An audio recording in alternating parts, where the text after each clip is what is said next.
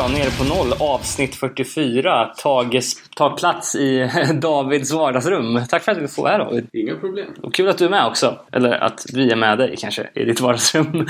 Danne Nätterdal också på plats. Hej, hej. Eh, Läget bra med er eller? Tycker jag. Ja, för fan svinbra. Lite misspeppad att vi just har sett Sverige förlora mot Italien. Jag menar det, men en strategi hade ju varit att haft skott på mål. Eller inte vara intresserad av fotboll. Nej, Vilket vi i och för sig inte är. Jag, jag körde med på den taktiken. ja, eh, annat du har varit intresserad av är ju sömn. Nej, Taskig övergång, men vi var på spelning i förra helgen. Eh, och eh, där så spelade vi faktiskt in eh, huvuddelen i det här avsnittet. En intervju med Orange County... Fanatiker. Ja. Doktorand, bli- blivande doktorand i Orange County Hardcore. En person som lever för inlay-referenser. eh, Staffan Snitting från Law and Order. Eh, som var schysst nog att ställa upp och eh, utbilda oss i allt Orange County Hardcore. Eh, så det kommer vi till. Men eh, vi kanske skulle ta... Jag var ju tyvärr inte med, men jag är sjukt spänd på att höra det här. Ja, men eh, det blev jävligt stabilt hoppas jag. Men först då. Vi såg eh, Power Trip, eh, Waste, The Hammer och Lowest Creature. En spelning som jag tyckte imponerade från start med Waste faktiskt. Som var mycket, mycket roligare än vad man hade förväntat sig. Ja, lite mer eh, gruffigt eh, jämfört mot, eh, det inspelade. Så vi kan ju hoppas att de fortsätter på, på det, det soundet. Ja, verkligen. Och sen... Eh, det, Lät bra eller? ja, det tycker jag verkligen. Det var. Jävligt cool lokal också. Det var ju den beryktade Smedjan som faktiskt var en smedja också. Ja, verkligen. Hette inte det i Köping något liknande? Oh, Jo, precis. exakt. Gamla, gamla Birdnest-haket. Precis. Nej, men det här var ju, Reclaima smedjan. ja, men det var ju en smedja så det var ju liksom hammare och städ och blåsbälgar. Ja, allting. he- Hela kittet. Det var som att vara tillbaks på träslöjden i mellanstadiet. Eh, Jag vet inte, det skulle ju... Red Death och Protester skulle väl ha spelat på Smedjan bara några dagar efteråt, men jag tror att giget hade flyttat. Mm, Mm, det läste jag också. Eh, vet inte varför då. det var en bra lokal. Det var synd. Mm, det är helt coolt. Eh, sen... Eh, Smeden lagt. Ja, kanske. De vill smida i fred. Sen The Hammer då, som eh, man inte har sett på ett tag, men jävlar vilket step-up det var. Det märks att de har ett par Europa-turnéer i ryggen. De verkligen hittat formen. Även om de har bytt ut ett par medlemmar så låter det svinbra. Ja. Ja, och sen, eh, sen Power Trip och Lowest då. Lowest som alltid levererar och eh, som nu är i Skottland va, på turné. Eller Irland, eller någonstans där någonstans. Åh, jag vet inte fan riktigt hur det blev. De är ju, har ju avrest i alla fall. Jag vet inte, det vart ju några datum inställda tror jag. Men Ja. jag tror det är jävligt kul för dem också att spela med Powertrip. De har ju ändå varit sjukt influerade. Ja, verkligen. Så är det ju. Det gick det med sjuan? Är den ut? Nej, eh, det tror jag inte. Jag har lagt pre-order men eh, inte sett några, några plattor. Vi har en hund i bakgrunden här om ni hör någon som morrar lite så... Har någon som Henrik pyr Lund. eller? Eh, ja, och sen eh, Powertrip då som var... Eh, kändes som att det var mest folk i lokalen. Ändå. Men hur stort var det? Var det 200 pers eller var det 50? Jag skulle säga att det var... Säger, det var så jävla mycket skrymslen på det här. Ja, men det var svårt att ta sig in. Alltså jag gick ut en sväng under Powertrip och det var liksom... Så det är kul att det ändå... Det åkte folk från andra ställen. Stockholm var nere och reppade med en buss och... Örebro. Att- Ja. Nej, det var kul. Minus mig då. Ja, minus mig också. Mestadels, tyvärr. Alltså, alltså, det har ju varit jävligt mycket gigs nu som... Ja, fan är man i den situationen som, som jag är liksom med, med ett eh, hektiskt livspussel och eh, en lätt, gammal. lätt lathet så får man ju sålla sina gigs. Liksom. Det var ju Red Death Protester som jag gärna hade sett, vart ju bortsorterat. Och, eh, no Time spelade väl igår som jag också gärna hade sett. Jag var inte heller på Punks 44 som var på Cyklopen samma helg. Ja, det har också varit coolt med Forseen, Upright och massa punkaband. Köttgrottorna idag. Vi sitter här och spelar in istället. Så krutet la sig på Powertrip och vart ju lite besviken på mig själv när jag lyckades sova bort alla låtar förutom två. Ja, av någon jävla anledning så var jag tvungen att ta en liten powernap ute i bilen. Jag hade lite ont i foten, kan ha varit lite full också. Eh, och när ryktet började spridas om att Powertrip inte skulle gå på förrän 30-40 minuter efter, efter Low så tänkte jag Perfekt! Nu Smyg ut parkeringen. Sen är det fritt på fighten. Ställer klockan 20 minuter och, och vaknar upp så jag knallar in och så hör jag bara Nu är det sista låten! Jag var så jävla besviken alltså, Ja. för jag har fan peppat det där giget alltså. Men så går det när man bärsar med Kartenen på lunch. Konstant. Mm. Man hamnar i the gutter förr eller senare. Ja, så är det. Vi har fått lite feedback sen sist i alla fall. Eh, Vi var ju inne på eh, Jerry Williams, hinta lite om att han eventuellt var från Göteborg. men eh, Kim Gyllenhorn dementerar. Han skriver Jerry Williams, den svenska kommunisten och sångaren kanske man ska tillägga, är verkligen inte från Göteborg. Nej, det är väl hela Jerry Williams gimmick att han har den här Söderkis Stockholms-dialekten. Ja, Eh, Men jag tror att det är som orden Göteborg och kommunism är så starkt förknippade i mitt vokabulär så att det bara, det bara händer. det bara gled ur. Sen så var vi inne lite på det här med öronpluggar. Eh, Det gamla metalcore-bandet Poison the Well tipsar Marco om att de eventuellt var först med det här någon gång i slutet av 90-talet. Eh, Poison the Well som var ett ganska bra band som Ja, var jag lite var bortglömd. små inne på det. Jag vet inte om de har släppt något på senaste tiden. Men... Ja. Tveksamt.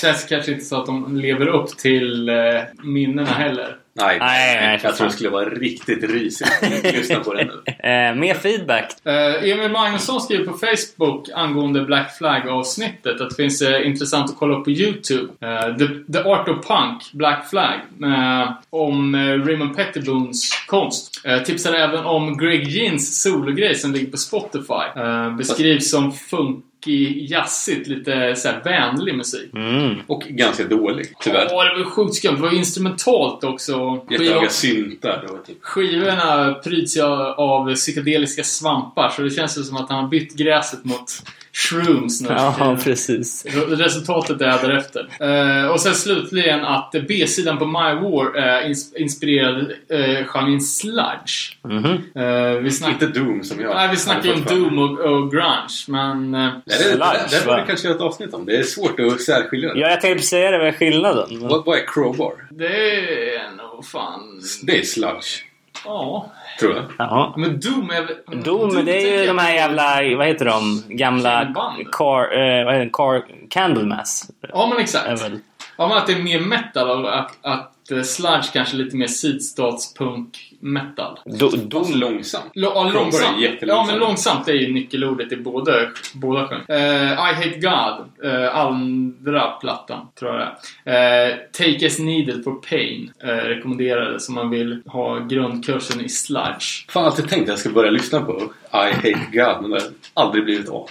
Det är ett coolt namn, men jag vet inte hur cool musiken är. Eh, sen fick vi också eh, kommentarer om att svenska trummisen från Booze and Glory numera hamrar i Wolf. Eh, med kommentaren också att det var ett klart bra byte. Sen eh, var det några som hade tipsat om, lite nya släpp. Ja, bandet Hope Haven från Kungsbacka. Kungsbacka var det.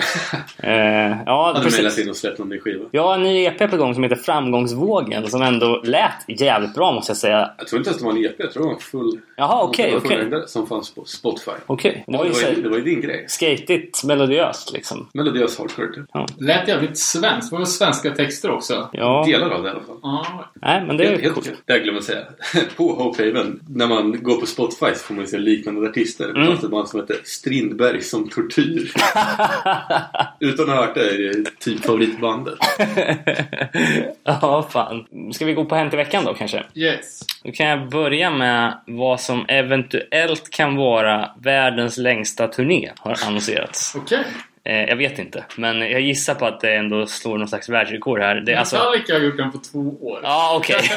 Är ja, men jag menar, alltså de har ju säkert en veckas uppehåll här och där. Det har inte den här mannen. Mannen som vi har pratat om tidigare, Henry Rollins, ska ge sig ut på en Spoken World Tour.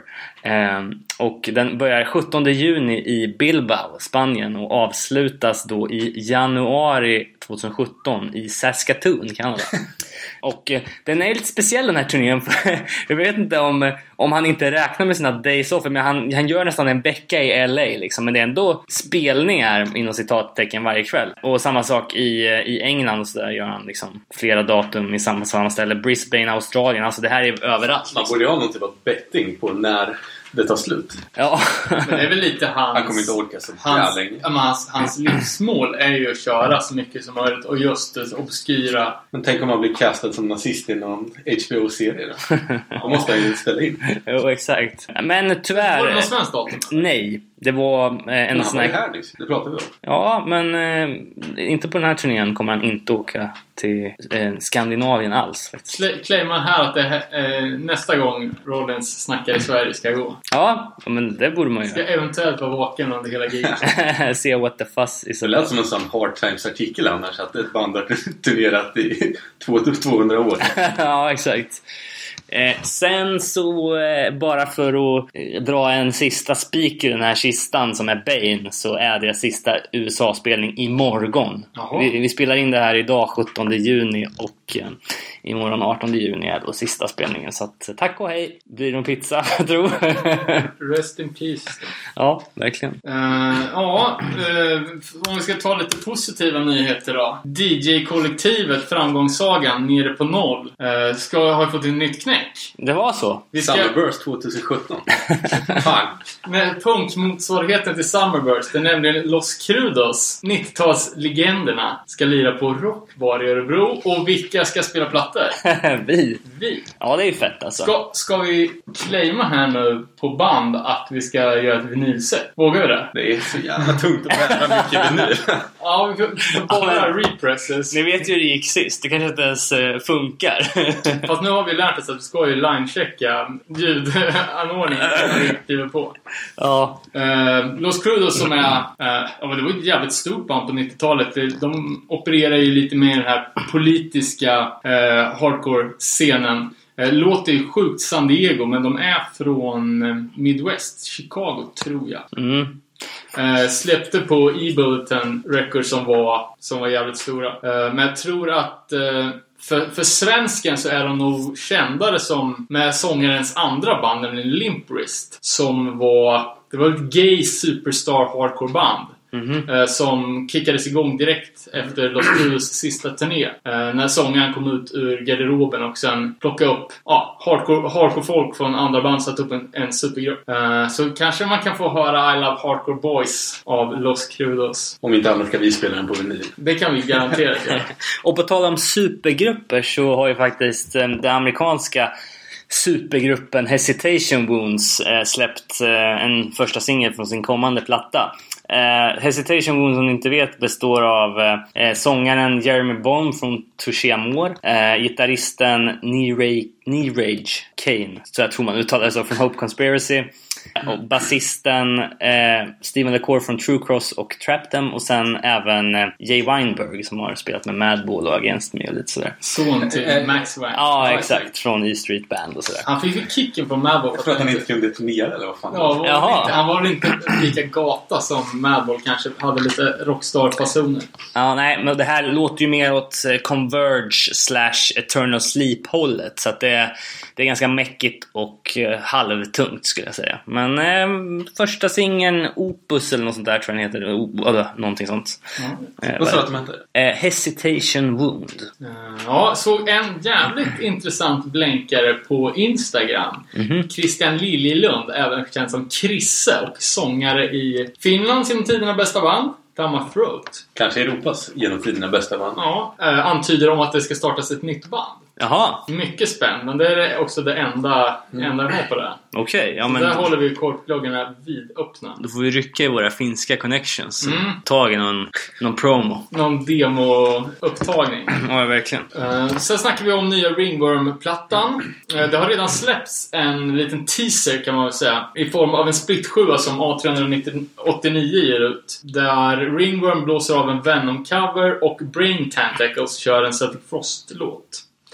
Eh, som finns upp på klackan nu om man vill komplettera Ringworm-diskografin. Uh, sen snackar vi även om Krishna Core. Uh, det har släppts en ny, tror den är ny, en Krishna Core-bok som heter Trainwrecks and Transcendence. Som ska vara en 340 sidors matigt torr... eh, Receptbok. Nej, men sn- snarare någon sorts... Jag uppfattar det som att det skulle vara lite mer på akademisk. Okej. Ja, Bättre titel än dokumentären i alla fall. Jag Eh, såg trailern, det såg gött ut. ja, ja, absolut. Och den Anticimex-trailern. Ja. Jag sa att han såg sleten ut. ja, minst sagt. Eh, och på tal om akademiskt, vi var inne, jag var, eller jag var inne på förra gången om den här avhandlingen om eh, riff i tidig punk. Ja.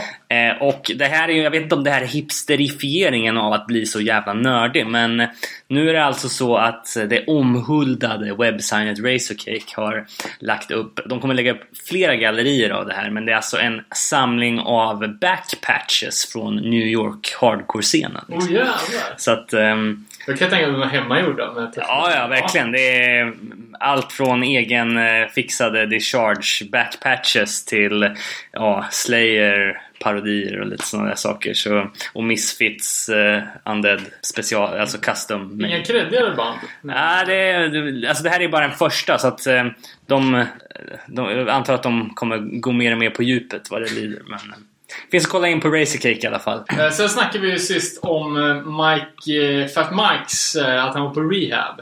Det har han ju själv nu gått ut och dementerat. Han har ju bara varit på en detox. Så han är tillbaka med kola eh, i hela näsan. Spelade i Sverige igår. Just det, visst. Va? Ännu Ja, ett gig som han sorterade. Gröna Lund. Ja, just det, just Ja det. just det, det var ju rasistspel. Just. ja, just det. Precis. Sen, jag vet inte om det här är veckans Edgebreak. Jag hoppas inte det, för det är ett bra jävla band. Men eh, X Bishop X har bytt namn till bara Bishop inför right. kommande skivsläppet. Men eh, eh, och det här är ju kul, för det här är ju första skivan de släpper på länge. Ja, och de, byt, de byter ju då namn från X, det klassiska X, bandnamn X i versaler till då Bishop med S som ett dollartecken. Så man undrar ju, är det här en, en total utsäljning eller vad är det som pågår? Men eh, ja, nej, men hur som så, de har i alla fall ett nytt album på gång och det heter Everything in Vain. Och det släpps eh, 28 juli och det kommer ligga på Death... Death... Death... Vadå alltså. everything in vain? Ja, exakt. Det kanske är något sånt. Eh, det kommer i alla fall, Allt var i onödan. det kommer i alla fall ligga jag på... tycker vain som är Ja, alltid upp i benen. Ja, exakt. Men- Rakt upp i Ja, det, kan, det kanske är därför de har bytt namn. Eh, för att de har börjat skjuta. Nej, men eh, Dead Truth Recordings släpps det på i alla fall. Okej. Ehm, Ja, intressant. För jag såg eh, line-upen till Iperfest, 24 upplagan. Då är ju Bishop med. Precis bredvid Bishops Green. Eh, men då är det X Bishop X. oh fan! Uh, headliner är Sick Overall, Agnostic från Terror och uh, Jelly Biafra and the Guantanamo Bay School of Medicine. Inte så supersexiga headlines kanske. Uh, övriga. Uh, Atari Teenage Riot, Knuckle Dust, Street Dogs. Nu säger jag bara det som är intressant. Uh, Dying Fetus, som är väl Next Step Up-folk, tror jag. Uh, H2O, Blind Justice, Cocaine Piss. uh, lät bra. Cold Hard Truth, Freeze, Oj, oj, gamla Bostonbandet, Iron Reagan, Reagan Mm. Youth, Propane, uh, Raw Power, intressant. No Zodiac, Yes! med mera, med mera. Enda svenska tillskottet till line-upen är Crude SS från Norberg. Ja, men det låter ju jävligt Ja, intressant. tyckte du det? Ja, Ja, ja. Mycket som man redan har sett. Ja, det var, var Ja, men som man gärna skulle se igen. Ja, jo. Men inte åka till vart den är, Tyskland eller Belgien. Belgien. När är det då? Det framgår inte av den här bilden jag tittar på tyvärr. Nej, okej. Det brukar ju vara någon gång i början av augusti, va? Sjunde, åttonde, någonting sånt. Ja. Var det ju förra året. Men, ja, nej, men det var typ allt jag hade på Hänt i veckan. All right. Uh, jag säger att det är pre-order nu för den hett, efterlängtade Akoni-förlängdan på Demons Run Amok. Uh, släpps 15 juni. Uh, vi kan väl damma upp en liten länk i kommentarsfältet. Uh, släppt någon ny låt? Ja, det vet jag fan. Jag tror det är samma som redan är ute. Ja, Jag är osäker på det. Sen är det ju också ny Gloss 7 på, på pre-order. Och hela sjuan finns på stream. Lät jävligt bra. Mm. Eh, typ som förra. Omslaget var ju också sjukt likt på något sätt. Ja, det är ju samma, samma som har ritat. Eh, det europeiska omslaget har nu gjort eh, hela pressens omslag. Vad, Okej. vad jag fattar det så. Det är jävligt cleant när, när båda sjuorna lirar ihop. Omslagsmässigt alltså. Lite nytt tema tycker jag man kan spå- spåra med eh, låtar som Fight, Give Violence a Chance och eh, titelspåret Trans Day Revenge. Så nu är lite mer aggro nu kanske. Ja. Det är dags att ta ner en notch, några BPM också, stämma ner gurorna och lägga på lite breakdowns så är vi hemma. Eh, och apropå. Apropå på breakdown så det är ju superinaktuellt men eh, holländska Born from Pain har ju på deras två år gamla Dance with the Devil LP gjort en video som jag såg bara för några dagar sedan som var jävligt cool. Okej. Uh, skitsnyggt filmat och var så här rolig Fast, grej. vänta nu, har de gjort en video på en låt som är två år Nej, jag, gammal? jag tror bara att det är jag som är gammal. Ja.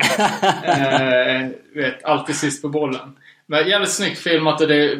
Alltså, ja. Konceptet är på låten Dance with the Devil är ju en, ja, en, jävla, en, en som kör rysk roulette med sig själv och sen blåses det av en jävla massa droger. Alltså sprutor och rök, heroin och, och alla piller du kan tänka dig. Och ett McDonalds-mil. Det är högt och lågt i den videon alltså. Ja, jag tycker det var så jävla, jävla kul. Sen har du också en ganska kul, eh, också en sjuk inaktualitet, men Snapcase, som eh, var ju kungar på, på 90-talet, att de hade... Reunite inte de för This is hardcore? Jo, precis förra året. Ja. Ja, åren går fort. Men att de var på, vä- på vippen att sang, sang, signa på Tomboy, alltså hiphopbolaget. Mhm. Eh, som har släppt eh, Not by Nature, House of Pain och 500 andra. Och då var det storyn att eh, Tommyboy-bossen hade varit ute och, och scoutat liksom. Och varit på ett Snapcase-gig och sett att Fan är det här? Varenda jävel har ryggsäck. Nu ska vi lansera det här bandet och sen ska vi sälja ryggsäckar med Snapcase-logga till alla i publiken. Vad är det Och sant? tjäna guld liksom. Eh, men de blev kvar på Victory. Kanske lika bra. Det hade i och för sig varit cleant att ha en snapcase i ryggen. Ja, verkligen. På tal om hiphop, har ni lyssnat på nya Ill? Nej, jag har sett att den har släppts. Men Ja, inte... var fan rätt gött alltså. Ah, okej. Sweet. Gissa den mest givna samplingen som. Från en Charles film. Manson. Nej, det något med Uncle Howie? nej, från en film. Jaha, från en film. Från Eh, Saints. Godfather. Nej, Scarface. Ja. Ja. Herregud. Eh, så, så är det att Misser har släppt en tvålåtars eh, promokassett. Okej. Eh, var ju ett av de mer spännande New York-släppen från, ja fan kan det vara två år sedan? Så jag hoppas väl på en ny platta. Mm. Tråkiga nyheter från Sverige. Medea. Ja, just det. Ja. Har foldat. Eh, besvikelse måste jag säga. Det är också ett band som lägger ner på tok för tidigt. Mm. Så de har ändå på länge. Inte, inte för att de borde lägga ner därför, men Det, det, ja, det, det känns ju som att eh, fan sjuan är inte så jävla gammal. Och de, hade, de gjorde ju allting rätt. Så ja, tråkigt. ja, verkligen. De har ju ett nytt band på gång. Ja, det har de ju garanterat. Det är det som är så fint i hardcore. Att försvinner ett så dyker det minst två upp. Precis. Uh, sen såg jag även kul, uh, snacka om uh, Law and Order fanzine. Ja. Det har nu kommit ut en bootleg på Law and Order. Va, är det sant? Ja, På synet? japp.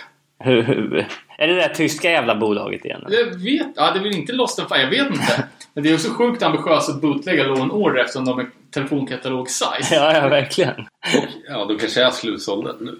Ja, ja, de ju- gör sig säkert inte igen i alla fall. Mm. Ja, sist lär vi väl ska nämna någonting om veckans skandal. Just. Ja, ja, precis. Eh. Champion... Eh, Jag vet inte vad man ska säga. Det är, man blir så jävla chockad. Men kontentan är väl att sångaren i Champion och eh, True Identity som det nya bandet heter. Champion som har varit jävligt jävligt stora. stora. Jävligt stora. Ja, ja. Speciellt i Sverige.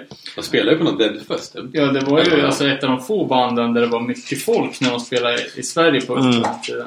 Har nu sångaren kommit ut som... eh, Ah, vänta, han har inte kommit ut. Nej, han har blivit outad som någon typ av uh, kiddie fiddler.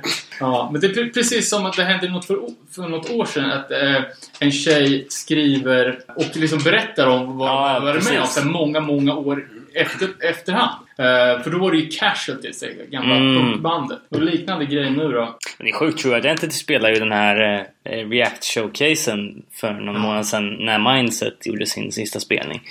Men är de inte lite såhär PMA? Ja, det kanske de är. Så. Jo, men bara namnet så True Identity så, så vet man att eh, när snubben är en massa så, sexförbrytare. Det är så Precis. jävla freaky. Ja, verkligen. Eh, och alltså, anklagelser kan man ju kasta ur hur som helst, men det som tyder på att det här verkligen har hänt är att eh, sångaren då stängde ner alla sina sociala mediekonton och bara liksom... Han vart väl utesluten ur Och, True Identity? ja, de foldade, eller foldade jag hela tiden. Eh, de la ner bandet direkt. Mm. Ja, jävligt, eh, jävligt röskigt och vidrigt. Men eh, det känns ju som att det finns ett sjukt mörkertal alltså, inom alla scener med, med band som håller på att ragga runt Ja, ja, och beter sig som svin. Uh, vad fan, uh, Och tyvärr kommer undan med det. ja. Ja, men ju- Typ just... åker på turné i Europa och grisar runt. Ja, eller ett Warp Tour kanske. Ja, ännu. Eller vad som helst. För det blir ju så liksom när man bara åker från stad till stad. Någonstans så stängs ju så här ansvarskänslan av. Man, folk börjar bete sig. Liksom. Mm. Det är klassiskt rockstjärnebeteende liksom. Men ju- just det som blir så skumt att bara, jag, jag kan inte berätta för, någonting om, om, för någon om det här för att det är sången i Champion. Mm. Som att det skulle vara liksom... Som att det skulle betyda Ja, någonting. men, det, ja. Eh, men kul att folk vågar i alla fall. Fan, Ja, komma ut och säga som det är. Liksom. ja. Vi, eh, vi får väl ta oss i kragen och kanske gå in på något eh, annat som är Orange County Hardcore. Något som ligger oss jävligt varmt om hjärtat. Ja, Eh, Jag, har bara en, en liten grej innan. Eh, vi satt och kollade på Sverige-Italien här och jag är ju ingen sportkille. Så jag satt och funderade lite på om man skulle sätta ihop ett landslag av band. ja av band också. Ja, vilka band skulle ingå i det, i det italienska landslaget? Eh, ja, då har vi då i målet Sentence. Mhm. Eh, det är ett- det är ju en serie... Stabil bakgrund. Eller hur? Ja, just Se, det. det är Serie A. Eh, och de förklarar krig mot anfallande spelare. Backlinjen. Längst bak har vi den bastanta Libron X. Da Sect X. Eh, tough Guy. Bandet som eh, inte släpper igenom någonting. Sjuan heter ju Burrow Heavyweight. Det är ju så stabilt. Fan, det där har inte jag hört. Jag måste kolla in Det är. Eh, sen har vi då eh, Strength Approach. Det var ju, förr i tiden var det ju en snabb mittfältspelare, men nu är de ju tuggiga, alltså en stabil back. Eh, sen har vi Negathone från Torino. Stjärnspelaren och lagkaptenen. Eh, och de är ju också det äldsta, äldsta i, i landslaget. Spelar back längst ut på vänsterkanten. Sen har vi mittfältet, eh, Purification, som jag personligen gärna skulle se i Champions League. Eller i anfallet kanske. ja, ja, exakt. Dock har de problem med att de blir utvisade på grund av regelbrott. Eh, och de la ju ner Purification för att de skulle kunna satsa på direktaktion. på, heltid. Efter deras idrottskarriär så kan de bli TIFO-ansvariga med War Drums uh, sen har vi Gold Kids och Truth My Hands. Tvillingparet från Cagliari FC. De må se likadana ut, men den ena är lite, mer- lite mer tyngre och lite mer teknisk spelare. Den andra är kvickare, men faller också lättare i straffområdet. Eh, sen har vi To Kill, till vardags hemmahörande i Roma. Eh, och Think Twice, en stabil mittfältare som är näst äldst i laget. Och så på topp har vi Redemption och Reprisal. Eh, med sina sportiga kläder och sin hälsosamma livsstil är de ju livsfarliga. Och de är ju liksom det italienska landslaget också sponsrade av Kappa. Ja. Eh, och på bänken har vi Open Season och som materialare har vi Raw Power. ja, vad fan vad bra. Vilken lista. Ja. Seriöst landslag det. Ja, det blir upp till lyssnarna att komponera. Ja, jag menar det. José Saxlund måste in på någon en vänster i alla fall. Det är en liten tips. Målvakt Teddy Price. Lite för gamla du vet. Orkar inte springa så mycket. De bara köttar på där bak. Ja, nice. Och så kanske vi ska ta och gå in på dagens huvudämne istället. Intervju med Staffan Snitting från eh, Law and Order fanzine, eller de som ligger bakom det. Även basist i det gamla Straighters-bandet Stay Hungry. Och eh, har varit med i Göteborg Hardcore hur länge som helst och arrangerat spelningar. Och såg till att Nordengården kom på kartan för oss tror jag. Eh, inte minst. Och vi slog oss ner med honom hemma i hans kök och eh, pratade igenom de viktigaste banden från Orange County-scenen. Eh, och han fick fylla i de viktiga plattorna och informera oss kring allt Ja. möjligt gällande den scenen. Ja, exakt. Orange County har ju framförallt under sent 80 tidigt 90-tal hade ju en väldigt stor hardcore-scen. Jag räknar genom skivsamlingen. hade, hade över 50 plattor med band från, från Orange County. Jävlar. Och det ja, det är ett, en av mina absoluta favoritscener. Det är intressant att se hur många eh, nu, nutida aktuella band som ändå kommer ur den scenen med folk som har varit aktiva där med, med många andra band tidigare. Som Done Dying och Ignite och sådär. Liksom. Verkligen Eh, ja, De har ju alltid haft en, en hardcore-scen inom många olika subgenrer. Men det, sku, det vi ska fokusera på idag är ju eh, så det typiska Orange County-soundet. Med, ja, fr, framförallt med band som Uniform Choice och Ignite. Och Eh, det är aldrig lite mer eh, det melodiösa, fins, finspelta och eh, i, i många fall även den här high-pitchade sången som är ganska unik. har ju aldrig varit någon riktigt sån här emo-fantast. Men så, det här är ju ändå jävligt känslig. Eh, så mycket känsla i låtarna. Ja, Jag tycker det är jävligt, jävligt nice. Så kul att, att hitta en själsfrände i den här, som jag tycker är lite bortglömda delen av amerikansk hardcore.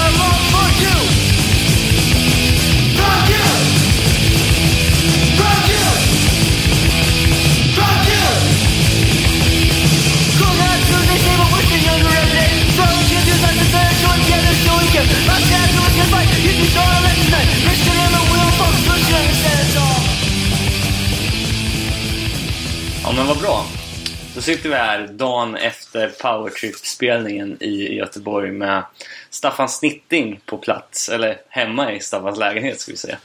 Vi ska idag snacka lite om eh, Orange County Hardcore och alla de betydelsefulla ban- banden för den scenen. Eh, Men först och främst välkommen Staffan. Tack! Och tjena! Välkommen till mitt kök. Ja, tack så mycket. Eh, Sjukt kul att LBX3-köket, som det kallas. De som vet vad det står för, de vet. Dagen till ära dukat upp ett helt uh, Orange County-altare här för att sätta stämningen. Ja, precis. Ett riktigt smörgåsbord. Jakob Bondesson här från Göteborg och Moral Panic som arrangerade spelningen igår, han brukar retas som att jag håller på med altare och dukar fram skivor. Och, det, ja. Han hade varit glad över att se detta kan jag säga. Ja, men verkligen. Det är som en, som en hel överblick av, av alla de betydelsefulla band som, som finns med. Men eh, vi vi kanske ska börja från, från början lite och prata först om, om dig som person. Hur du kom in på, på hardcore och hur du hittade fram till de här banden till slut. Men, jag ska försöka säga det snabbt då. Min eh, pappa hade punkskivor. Eh, Ebba Grön, Sex Pistols och sådär. Och det lyssnade jag ju på innan jag liksom lärde mig läsa och skriva. Så jag är ju väldigt mycket uppvuxen med det. Och sen hade vi en punkare på gården hemma i Lund som eh, några år senare när jag var, jag skulle vilja säga åtta, alltså typ 88, gjorde en blandkassett, eller en eh, samlingskassett, eller vad fan säger man? ja, Blandkassett, ja. Eh, och det var där jag första gången hörde hardcore, för då spelade han bland annat in Rövsvett. aha. Som jag, jag ofta har skrivit till er på den här podden om, när jag tycker att ni inte har behandlat dem med den respekt som de förtjänar. Eh, Jesus var en tomte, A-sidan av Jesus var en tomtesjuan spelade han in. Och sen spelade han även in eh, någon tidig Suicidal-låt och SOD som är crossover, men eh, alltså ändå han spelade in Milk, den låten, så det var ju första gången jag hörde någonting så snabbt. Liksom. Och så lite annan punk och grejer. Så, sen så eh, var jag ändå inne på hårdrock också tidigt. Med Kia Bergs program Bagen. eh, var det där jag hörde hårdrock först. Och så Okej på 80-talet av tidningen och Rockbox på P3 och sådär. Ehm, sen var det inte förrän tidigt 90-tal som eh, jag kanske förstod eh, att det fanns en scen och sådär. Och det var ju i samband med att Umeå-grejen rullade ner över landet. Ja. Sen så i Lund där jag bodde så fanns det ju Bad Taste Records som ju satte upp spelningar och, och så det var ju rätt mycket skatepunk och sånt där nere men eh, även Mejeriet kunde sätta upp band som vi nu hade fått sätta upp eh, på mindre spelningar kunde ju spela på alltså den stora eh, lokalen i Lund och Mejeriet. Som Strife och Refused, Abinanda och Ja, sådana där band. Så, eh, på, och då kunde man ju köpa fanzine, eller kunde jag köpa fanzines när de banden kom igenom. Och på så sätt tror jag det var som jag förstår att det faktiskt fanns en, en scen. Liksom. Ja, jag tror Så det var en snabb historia.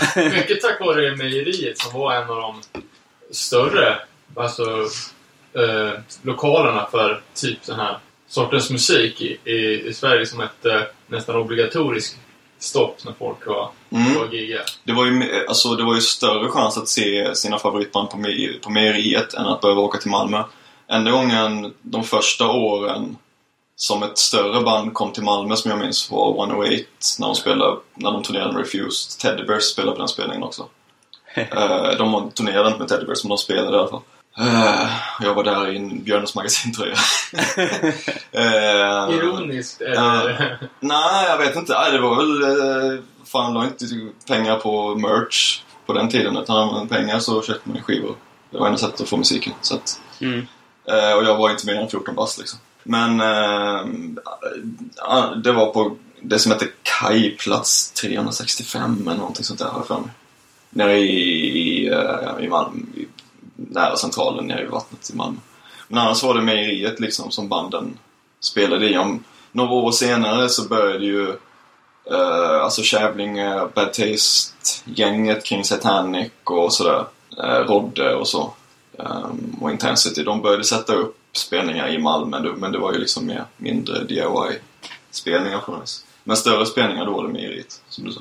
I Lund också. Och då, jag bodde ju 10 minuters promenad därifrån. Och vilka år ungefär snackar vi om att ta? Ja, 93, 94, 95. Något sånt där. Jag vet inte.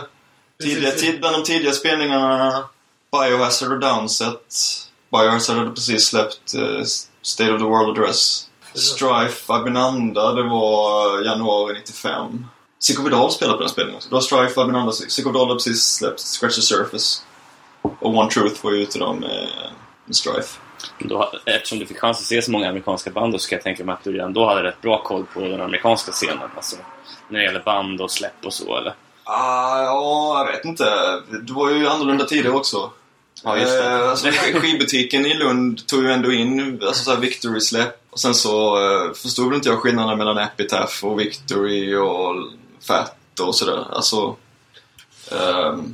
och, men Lost and Found, det tyska bolaget som vi kommer snacka om mer sen, deras skivor kom in och det var ju, eh, vad säger man, gateway-drogen till eh, lite äldre grejer ja, i många fall.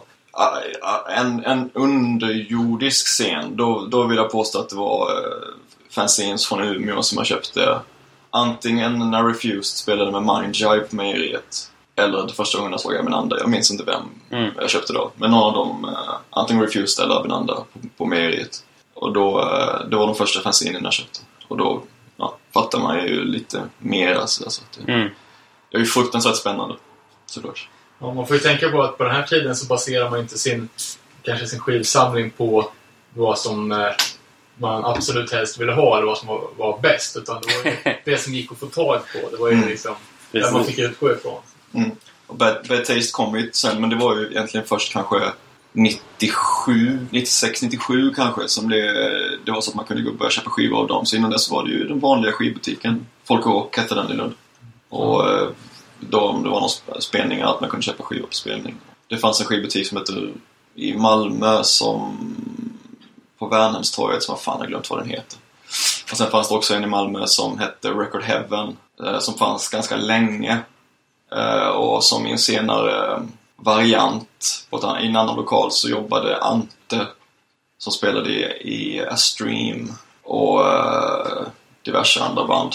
Han jobbade där och då tog han in lite häftiga, lite, lite mer obskyr amerikansk hardcore som man kan köpa av honom. Men eh, även tidigare så köpte jag Firestorm, EPn, Earth Crisis köpte jag på Record Heaven. En del tidiga Burning Heart-släpp. Typ första Race Fist EPn köpte jag där och när Strife släppte Grey 7 så köpte jag den där. Mm. Ja, vi köpte ju våra plattor mestadels på Åhléns som hade ett Mm. fantastiskt utbud. Fanns även en annan butik som var eh, alltså en vanlig, vanlig svensk skivbutik från 90-talet. Där de hade liksom obskyra grejer. Man jämför med man typ som kickback och, och sådana grejer. Genom någon Eh, antar att skatepunk-hypen liksom gjorde att de vågade öppna, öppna sina distributionskanaler och tog in saker på total random kan jag tänka. Kickback och Åhléns i samma mening. Det Ja. trodde jag aldrig att man skulle höra. om.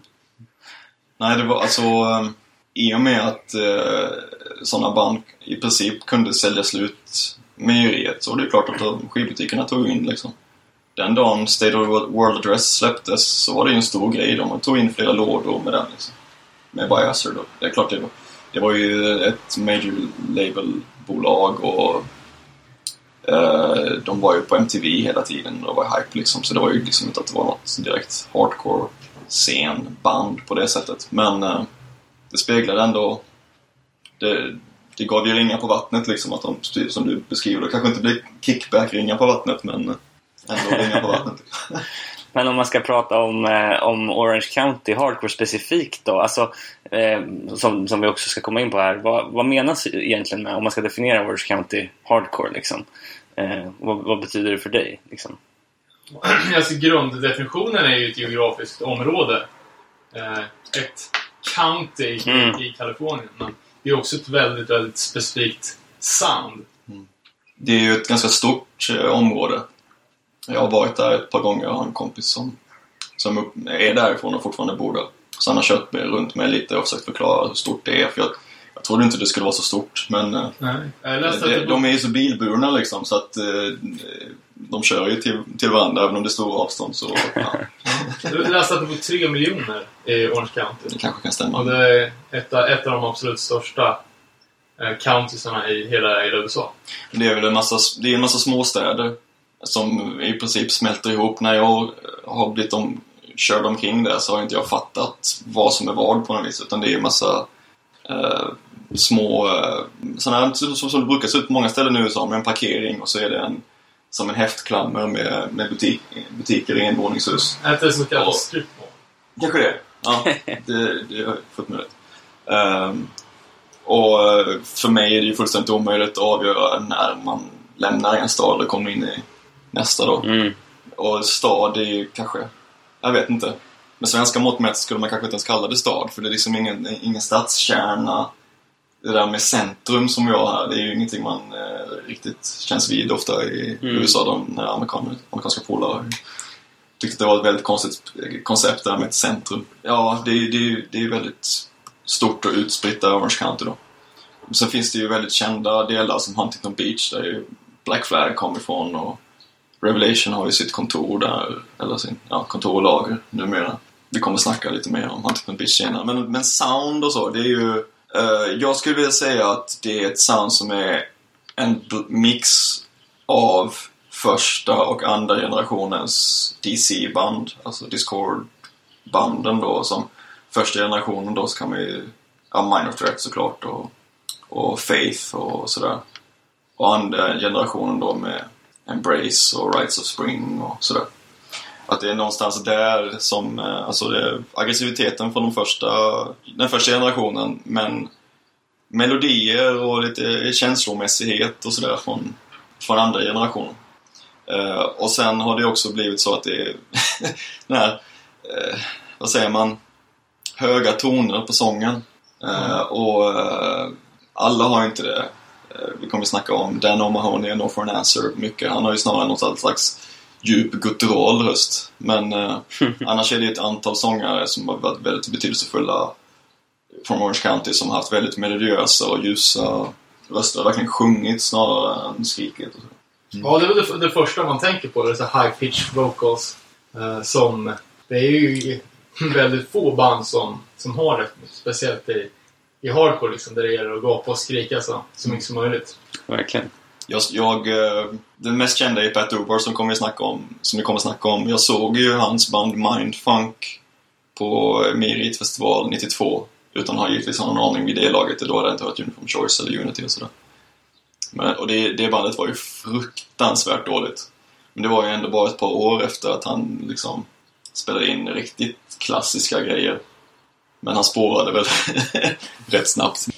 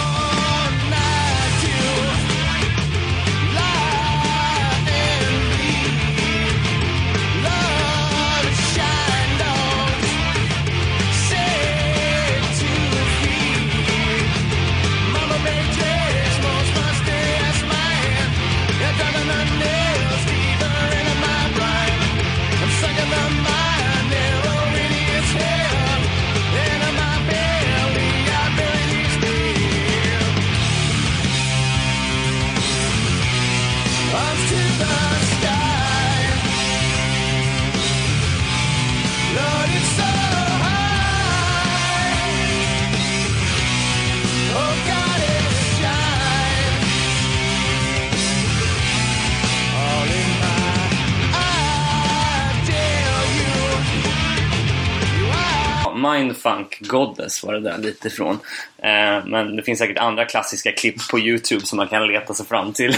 Men även typ som bandet Corporate Avenger som är Fat Wars fortsättningsband som är någon typ av eh, nu metal-grej. Man kör med ansiktsmålningar och ja, det är riktigt bedrövligt också. Nu, nu när jag tänker på det här så var, var det kanske inte så jävla bra att vi startade det här med, med mindfunk liksom. Det, ska, det kommer bli bra det kommer bli bra det här. Det, ja.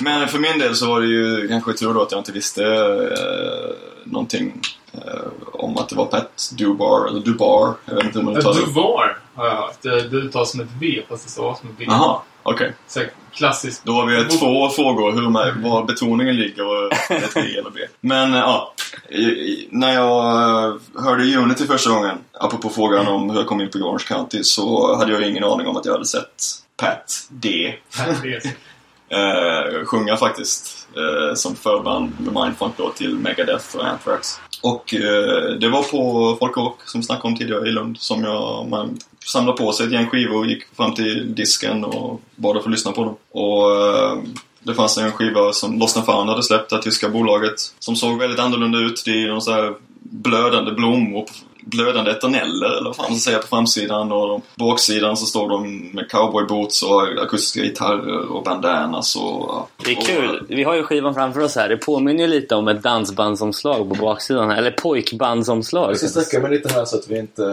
eh, når, trycker på micken. Men här, här är ju alltså Ah. hela versionen. För att på CD, Lost fanns CD-version så finns det inte så mycket. Men vad var det som tilltalade dig med den här plattan? Alltså att det är ju så jävla melodiöst och hittigt så det finns ingen gräns. du, hade, du hade hört den innan du gick till kassan? Nej, det hade jag inte. Nej. Utan jag, det var ju att det var Lost Fan som hade släppt det och då tänkte jag att det här kan ju vara kul för att Lost Fan släpper ju massa hardcore-grejer liksom. Eh, Okej, för och att man var ju sen- väldigt se- selektiv när man var, var liten och fattig. Och det finns ju ingenting i Ja, den här skivans Men, men, men, som- gå fram till disken kunde man ju ha 20 CD-skivor med sig Ja. om man hade en lång hålltimme. Och så eh, ja, spelade det ingen roll att de blängde på en sådär. Jag tyckte, att man var jobbig. Man var 14 bast och Ja, du ville lyssna på skivor. liksom. Ja, ja, Jag trodde ja. du skulle handla en. Nej, nej. Eh, så jag provlyssnade på den eh, och den öppnar ju med den låten Sound and Sight.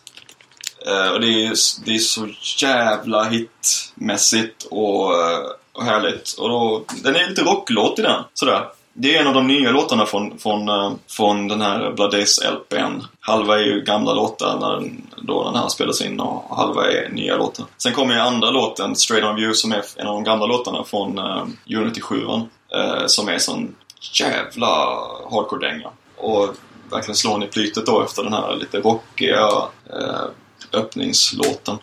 Ehm, sen så tror jag faktiskt inte jag köpte den skivan då, utan jag gick nog och lyssnade på den en x antal gånger. Jag hade väl inte pengar att köpa den helt enkelt. Men sen på en skivmässa i Lund så hittade jag alltså originalutgåvan eh, på LP.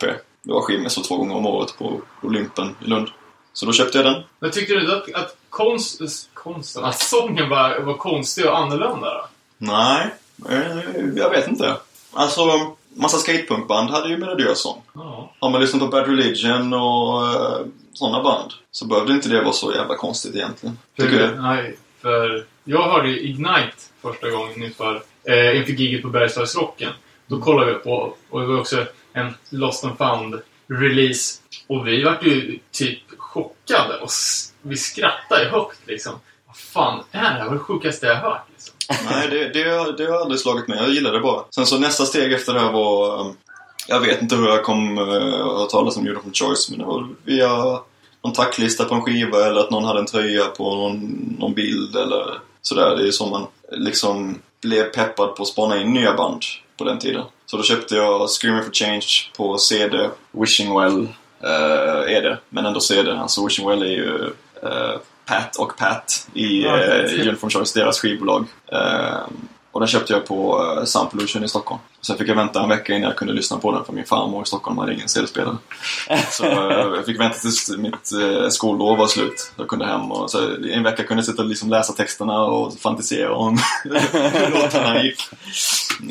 Um, och så ja, Blood, Blood Days med Unity och Scream for Change av Uniform Choice var ju min väg in. Fantastiska skivor båda två. Hå- Håller väl ändå än idag också rätt bra Åh liksom. herregud. Oj oj oj. Ja, intressant. Jag tycker vi fortsätter och kastar oss in i Orange County Hardcore-katalogen. Vi har ju redan pratat om, om eh, Unity och Uniform Choice som var två av de första banden. Eh, men jag tänkte att jag skulle först lite snabbt bara beskriva vad det är för miljö vi, vi rör oss i här nu i tidigt tidiga 80-talet. Eh, Orange County, som vi sa, en, en av de största countiesarna i USA med tre miljoner invånare på Stilla havskusten. Eh, med större strandstäder som Huntington Beach eh, och även lite andra större städer som ligger lite mer inåt i landet som Anaheim. Ett väldigt konservativt och välmående county eh, i det an- annars liberala Kalifornien. Och det är eh, ett eh, starkt republikanskt fäste. Mm. Eh, och också, förutom att de är rika och välmående, också begåvade med ett väldigt, väldigt bra väder. Eh, och det har tidigt funnits hardcore-scener i Orange County. eh, Med band som Social Distortion och Adolescence.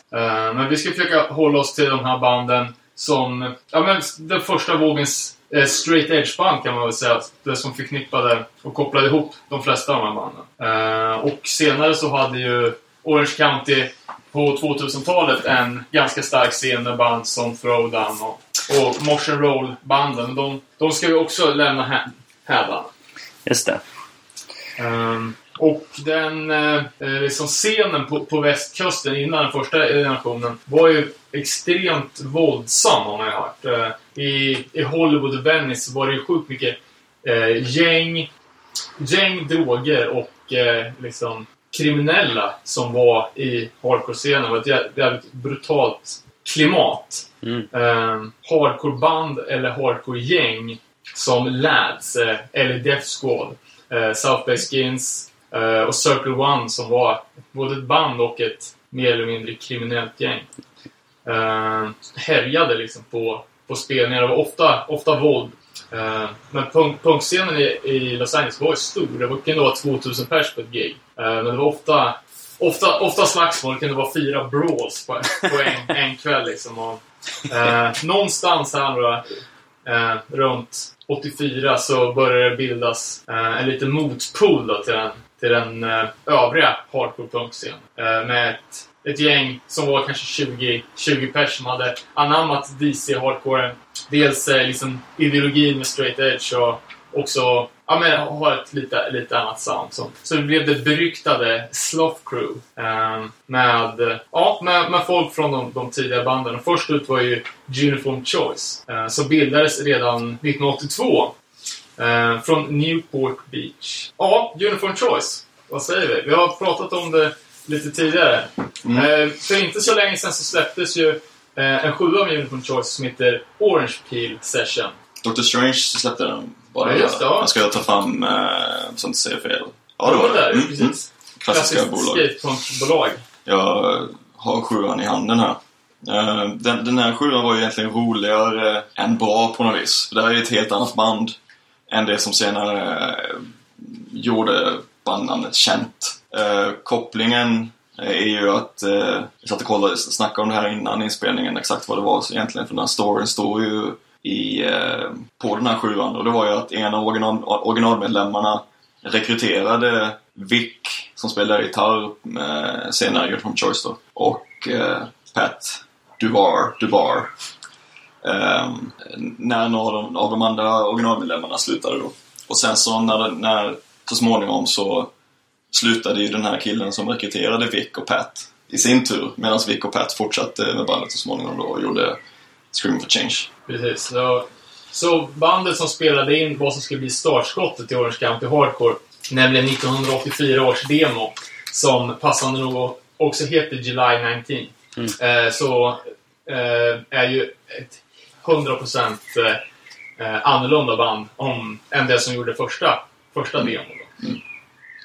Eh, Men apropå det som du snackade om också det här med, med våld och så i scenen så det finns ett antal böcker som kan vara kul att läsa om man är intresserad av den här historien. Eh, Det finns Lexicon Devil som ha- handlar om Darby Crash, sångaren i The Germs och det finns Spray Paint the Walls som är en extremt eh, välskriven bok om eh, Black Flag. Många av de här hardcore-böckerna på senare år så är det bara en massa citat från folk.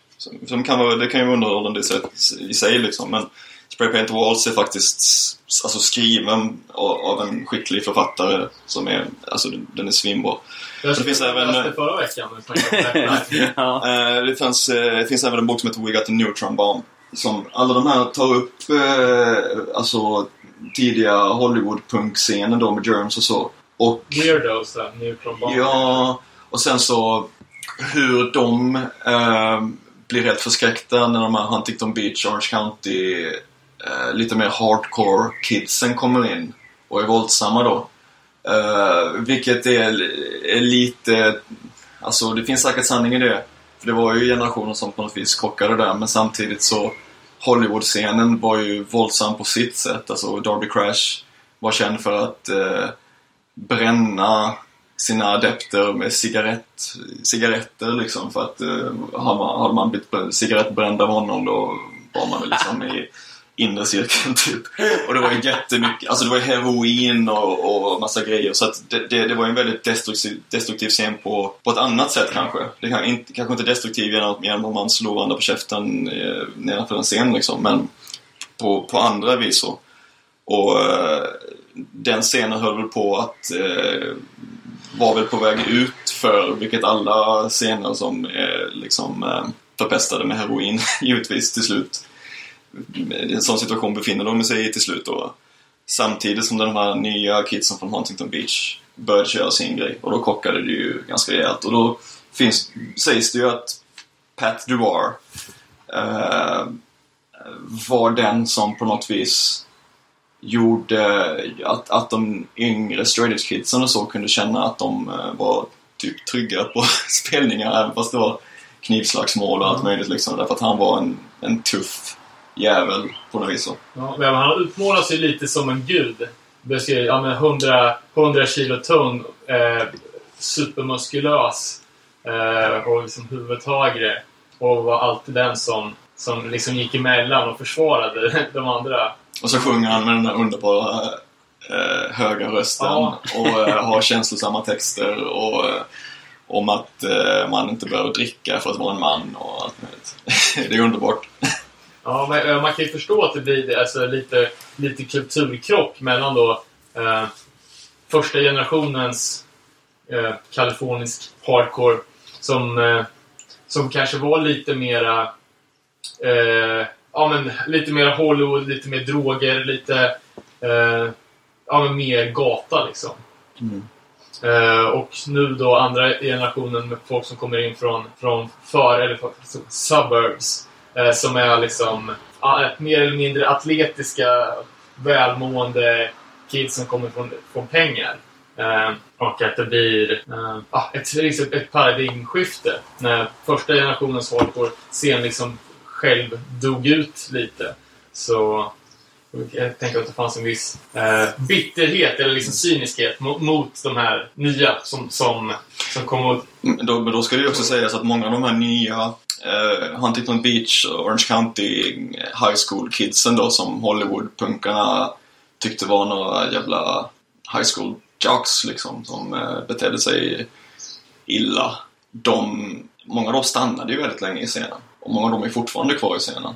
Eh, eh, och medan de här eh, Hollywood-punksen i bästa fall gick vidare och kanske gjorde någon new wave pryl liksom. Ja, Innan, innan, innan, innan, ja precis. Alltså det var ju med, nästan som ett konstprojekt för många av dem. Att som de pysslade med en, en kort stund. Så. Men jag tänkte alltså, eh, var Uniform Choice, så innan Uniform Choice så var det Pat Longry som spelade trummor i både Unity och Uniform Choice. Och Pat Dubar eh, bestämde sig för att starta band.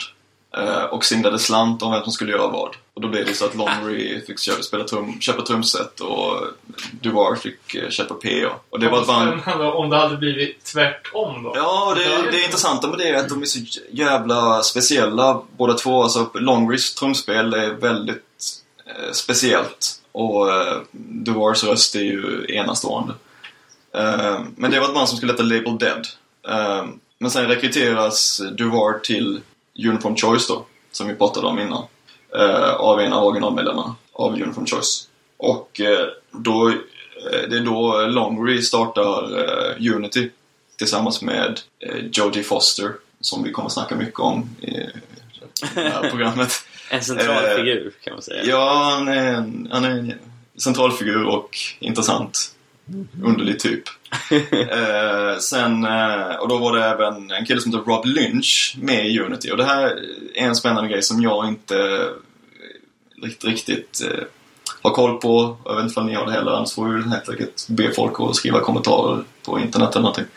För att eh, det finns två historier om den här Rob Lynch som sjöng då i den här första utgåvan, utgåvan av Unity. Och det här är faktiskt innan då Scream for Change. Så, eh, med Uniform Choice. Det är därför det kan vara en poäng att ta upp det nu. Eh, och det är att det ena storyn är att han eh, tog livet av sig. Och att det är därför som eh, Pat Duvar sjunger på eh, det som blev Unitys sjua. Alltså eh, en, en tidig sjua. Andra storyn är att han fortfarande är i liv.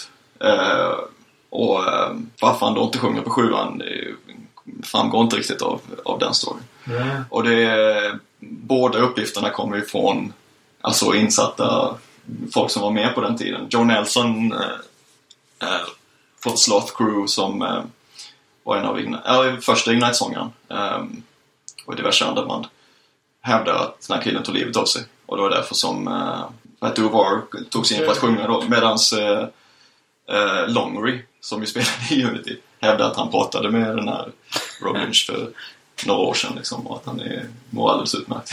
Ja, vad skumt. Jag läste, jag läste om det här och jag, eh, jag hade någonstans i bakhuvudet att, att eh, Unity hade en annan sångare. Eh, men faktum är att, att eh, Pat bara sjöng på fem till sex spelningar. Och att, eh, att Rob Lynch var sångaren under absolut största delen.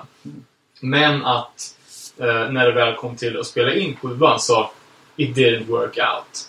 Nej. Så Longry har ju sagt det någon gång också att det det är det enda, eller en av de saker han tycker är tråkigt med den tiden att Rob, Rob då inte sjunger på sjuan.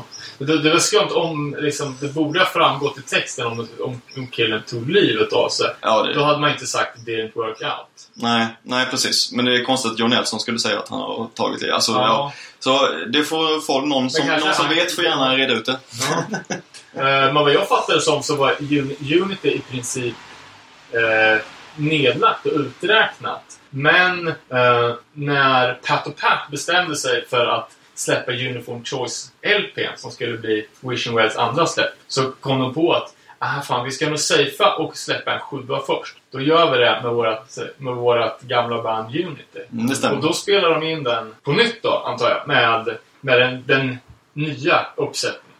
Jag, jag kan inte svara på ifall det finns, finns en inspelning med Rob som de spolade, i alla fall de aldrig spelade in med honom. Men eh, det stämmer att eh, de, de skulle ju släppa Screaming for Change och Wishing Well 1 var väl tanken från början då. Och, eh, men så eh, testade de istället för de hade ju liksom ingen mall på hur man gör skivbolag och sådär. Så att kanske kändes bättre att göra en sjua först. Så då gjorde de Unity, Unity 7 Alltså, helt enkelt. Nej, Your, your, one, your one. Som ju för övrigt eh, Longry har sagt eh, han, handlar om eh, att tycka om sina föräldrar och familj och sådär. Han säger, har sagt att han skrev till Maximo Rock'n'Roll-tidningen och eh, någon gång och, och liksom menar att det var töntigt där och, att hata sina föräldrar bara för sakens skull. Så att, Ja, det har jag rätt i. eh, Och som avslutningsspår på den här sjuan. Eh, tror det sista, sista spåret. Det finns lite olika, olika utgåvor eh, med lite, lite olika tracklist. Så är det ju en dikt. Mm. To Risk heter den. Ett av mina band, då, Stay Hungry, som jag har spelat med. När vi spelade i Norrköping en, en gång så startade vi ett gig med att spela upp hela To Risk och sen så körde vi igång sättet. Alltså vi spelade den genom P1 då. Eh, det, är Pat, det är Pat Longry, alltså trummisen, som låg bakom de här dikterna. Och det är även han då som läser upp dikten i slutet av uh, Screaming for Change med You're from Choice, som heter Silenced. Som är lite samma, samma stuk då. Eh, men jag, jag tror att det, dikten på Unity 7 är en, är en, en dikt som de lät bara citerar. Jaha. Men den dikten som är på Screaming for Change sen är, är skriven för sitt ändamål. Och det hör man ju lite på texten också liksom. Det är, det, det är fullt möjligt. Men jag vet att det Pat Longry har i alla fall tagit äran för att liksom att läsa in och kommit på idén vad jag förstår liksom, med att ha med den. Ja, ja och pre presentera liksom. Ehm, jag har ju en inspelning som ni, ni kanske kan lägga in nu med min uh, polare Kevin Chafee från, uh, från Orange County. När han och jag uh, åker bil i Kroatien i fjol och uh, han har ju memorerat då Silence av Uniform Choice och Prata med i den. Jag spelar in genom min mobil och i slutet av den här så Sista raden här är ju Even when silence is broken. På skivan då så sägs orden Even when två gånger och sedan en kort paus och sen så är det Silence is broken. Men Kevin lägger in ett tredje Even when där. When there's silence, friends need not speak. It's understood. Die, I would. And when there's silence, cultures appear as one. Colors are blurred. My brother, I heard. When there's, When there's silence, meanings all all seem clear. Distractions unknown. uniformly Oh, aligned. fucked it up. And when there's silence, love has, Has no hurt. Despair cannot live. Words to take, I give. The sound of no sound is the most deafening of all. The feeling of no feeling is the most painful of all. And yet, we must endure, for I do now, do now, and forever shall, love all things that are real, even when, even when, even when silence is broken.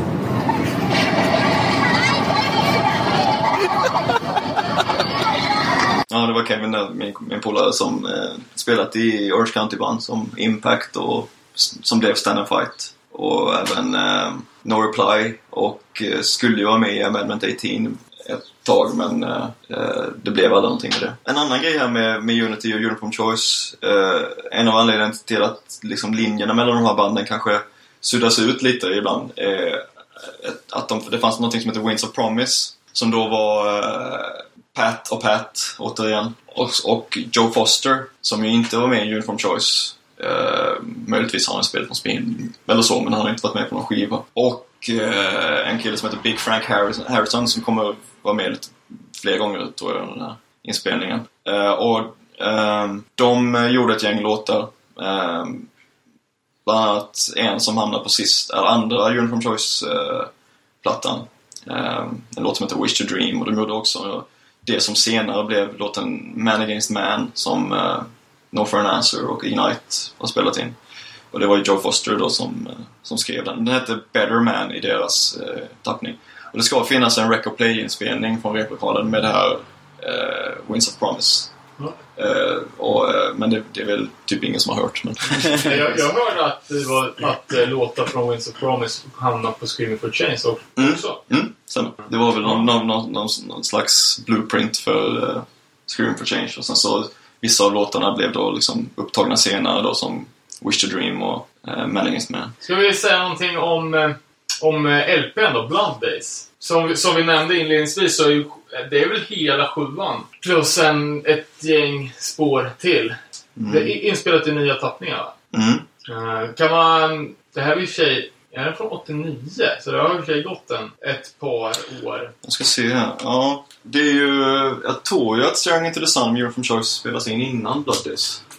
Uh, ta fram skivan här så vi ser vad det står exakt. Eh, Ja, precis. Det är ju, alltså, de gjorde ju några nya låtar då. Som är kanske är ju lite mindre, inte lika snabba och hardcore, klassisk hardcore-aktiga som eh, låtarna från sjuan. Men då tror jag att de spelar in musiken också på nytt. Men i vilket fall som helst så läggs ju sången om. Eh, även på de gamla låtarna. Jag tror att all, allting spelades in igen. Kan ha fel.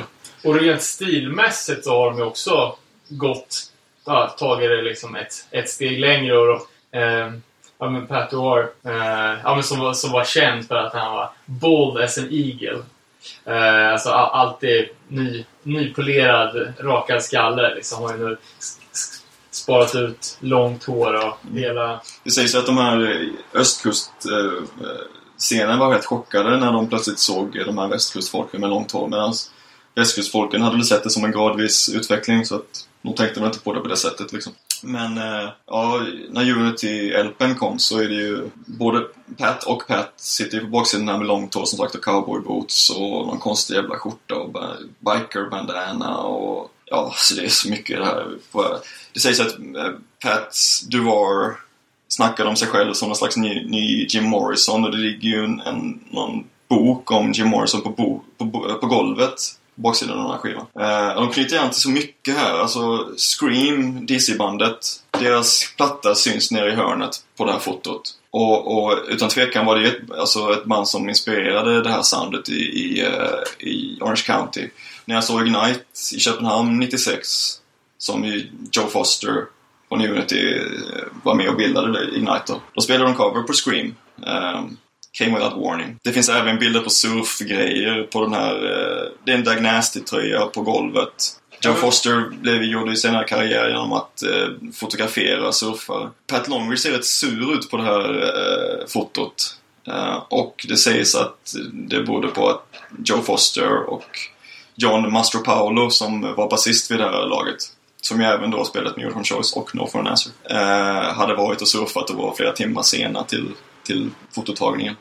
eh, vilket då inte gjorde Pat Longry särskilt glad. För när man tänker spontant så ser man att det här bandfotot är, är Alltså, att det är taget också spontant. Men nu när man tittar efter så är det ju superredigerat. Ja, eller herregud, orkestrerat. Och ja, ja, ja, ja. lagt fram precis det Ja, men hängt fram en liten ros i virveltrumman. Ja, man undrar ju om resten av rummet är lika detaljerat. Det skulle ju inte gå att röra sig utan att kunna Nej. kliva sönder. Det är, det är en sån tivoli-häst också. Som en, det, det, det lutas en Seven Seconds-affisch på. Eh, och Scream, Screaming for Change på grön vinyl är med i hörnet. Och Det Uniform Choice, Region of Ice 7 som är då är det som släpps innan Staring Into the Sun med Uniform Choice är med där. Och välta blomkrukor och alltså Ja, extremt utstuderat allting och givetvis en tanke bakom precis allt på den här bilden. Vilket är helt fantastiskt. Jag älskar det. Eh, det, det är ju den, det finns nog ingen, jag kan nog inte tänka mig, jo, alltså jag ska inte säga för mycket. Det är klart det finns sådana foton som typ The Kids Will Have Their, their Say med SSD, alltså, som klass, alltså klassiska foton. Men man säger baksidefoton på en skiva på ett band så, så finns det, det- nog ingen som är så, så rolig och spännande som den här. Det är nästan en sån här bild som man skulle kunna se två kopior av bredvid varandra. Då skulle man kunna ändra lite i den ena och sen film fem fel. Då skulle Ja. man kunna ringa in dem. Vi Liksom. gjorde ju som så här när, när Law Order Fanzine, alltså fanzinet jag gjorde för några år sedan, skulle göra en tröja så lät vi Jakob Bondesson måla en blandning av Joe Foster och John Mastropaolo från den här baksidan i princip. Så det är Joe Fosters Adidas-skor, eh, det är John Mastropaolos eh, caps och lite krulliga hår och det är väl egentligen eh, både John Mastropaolo och Pat Longry och Pat Duar har ju vänster ben uppe, alltså, alltså knät uppåt, vilket även den här gubben på tröjan har. Det är extremt utstuderat att vi ville eh, eh, koppla till, till eh, det här fotot. Så. Och det finns ju, varje baksida av fanzinet var ju också ett citat från Blood Days LPn. Vi tänkte först kalla fanzinet för Sun and Sight, men valde sen, eh, som är första låten på skivan, men valde sen Law and Order då. Och sen så, det som jag tyckte var roligast med fanzinet var att välja vilket citat från Blood Days LPn vi skulle ha på baksidan. Först var ju Så de Sound- hundra sidorna, det var bara Ja, transportsträcka till precis. citat. Sound, Sight, Reach, Believing var det på första. Eh, sen så har vi, jag har inte andra numret i handen här, men på tredje var det Don't Be Afraid To Care. Det här, allt det här speglar ju rätt mycket liksom vibben på de här banden, lite så här känslosamma. Alltså. På, på fjärde så är det The Cold Wind Won't Blow. Och på eh, femte numret så är det Break Through The Darkness. Det står stort då med stora svarta bokstäver på baksidan. Um, och det var ju hyllning till Blood Days då. Sen så, en annan rolig grej är eh, Stay Hungry som är mitt band då, som vi pratade om innan. Första tolvan vi gjorde på Reflections Records hette ju No Beginning No End. Och det är också taget från en textrad på eh, titelspåret på Blood Days. Där eh, raden innan är I Ignite the Killing Flame och sen då eh, jag ska säga vad, vad, vi hörde. Blood Days, These Days, Ignite the Killing Flame, No Beginning, No End. Eh, och Ignite och The Killing Flame är två band som vi Ja, kommer jag komma in på snart. det. Och det är ju högst eh, givetvis jättemedvetet att de liksom eh, från deras håll att de startar band som heter Ignite the Killing Flame och eh, från Stay Hungrys håll då att döpa en skiva till No Beginning, No End.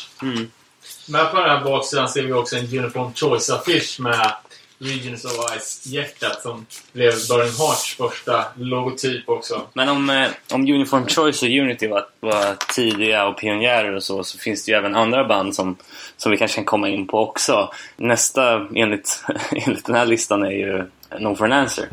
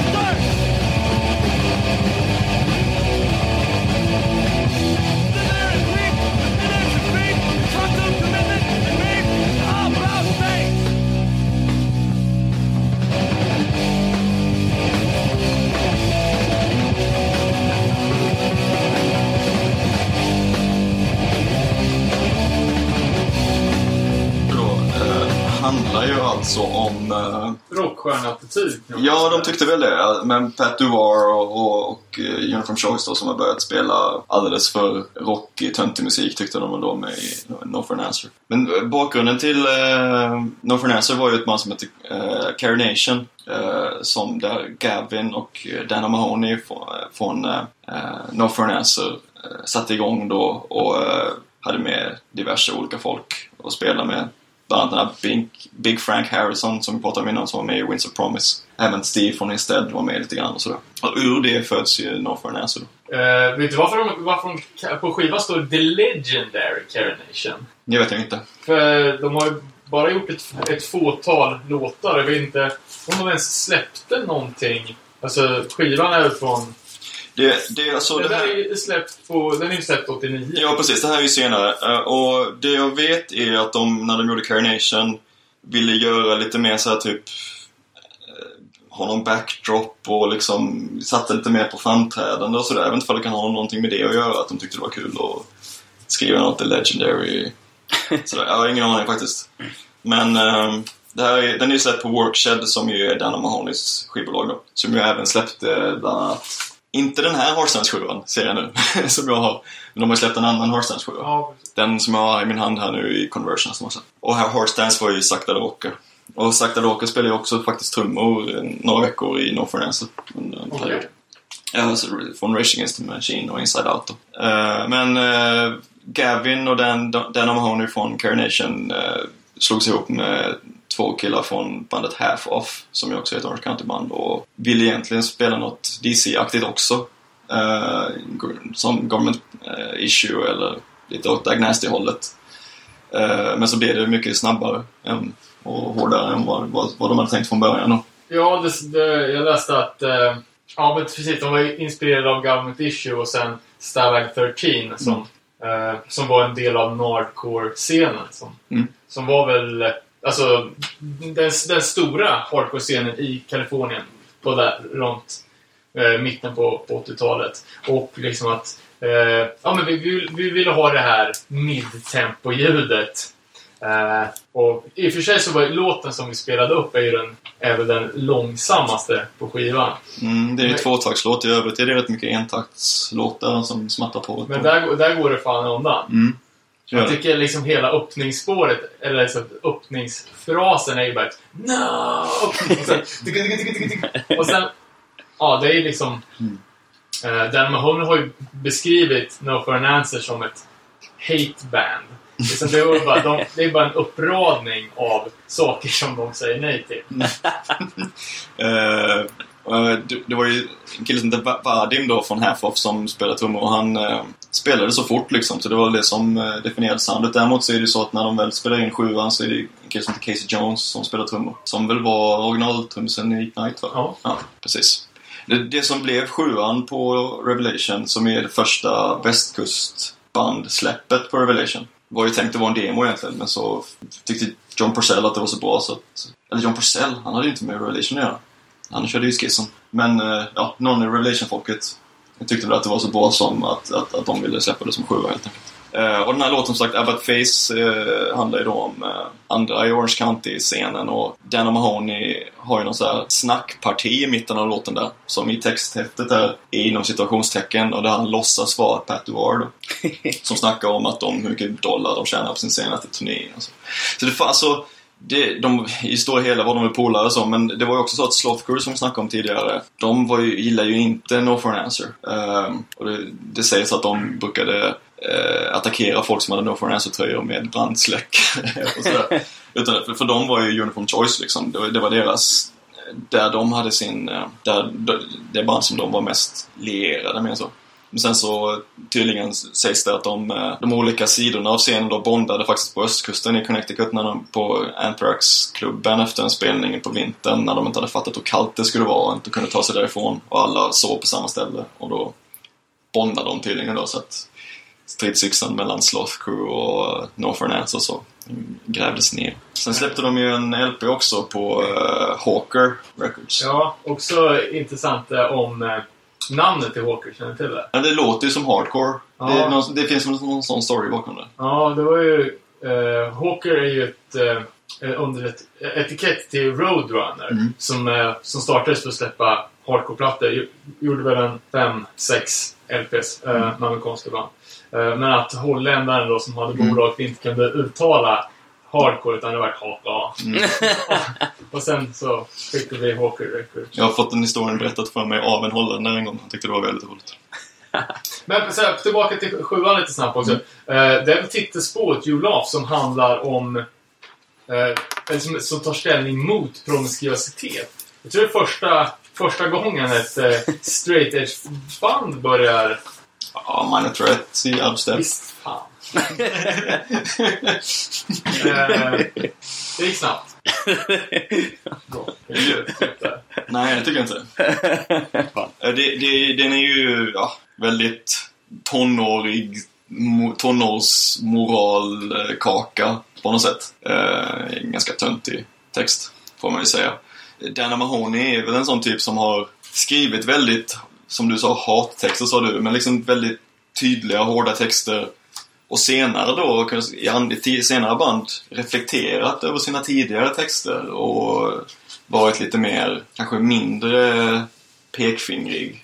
Samtidigt som andra låtar han har skrivit också har varit jävligt, väldigt pekfingriga senare. Men han har i alla fall reflekterat över sina tidigare band och låtarna de gjorde och hans syn på straight edge och så. Det sägs ju att när de var i Sverige och spelade i Umeå, måste det varit 93 kanske, att eh, det stod X up or get out antingen på affischer eller biljetter eller någonting sådär. Att han ska varit svinförbannad över det och frågat vad fan eh, ni håller på med.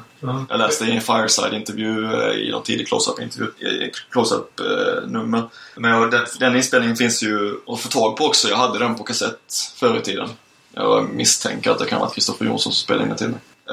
Men det, det, den kassetten har jag tyvärr tappat bort. Har de spelat mycket i Sverige?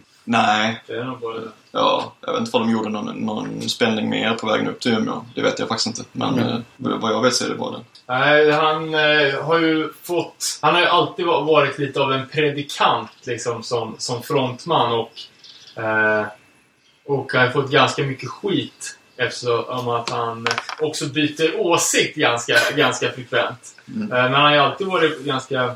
Ja, men ju- just, just med den här antisex-grejen som, som jag tyckte var, var ett nytt påfund. Men han har också varit eh, väldigt tydligt pro-gay. Eh, något som idag känns ju supernaturligt. Men som på, de, på den tiden eh, kan jag tänka mig var ganska, ganska kontroversiellt. Till och med in, i punkscenen. Ja, precis. Så, eh, Nu, ett jag, jag senare visar upp eh, ett omslag här från ett senare projekt med två män som kysser varandra. Eh, och det är väl eh, låten Dose Homophobic. Kommer inte ihåg vilket av alla dessa band som har gjort Det kommer inte jag ihåg heller. Kan det vara Voiceboxet? Ett, eh, också ett, ett senare band. Men han... Eh, på Speak... Nu ska jag ta fram Speak 714... Speak... LPn här. Speak hette ju från början Speak 714. Men sen så... Tröjan jag har på mig stod det Speak 714. Men när LPn kom så hette de bara Speak. Jag, jag vet faktiskt inte storyn bakom varför det ändrades.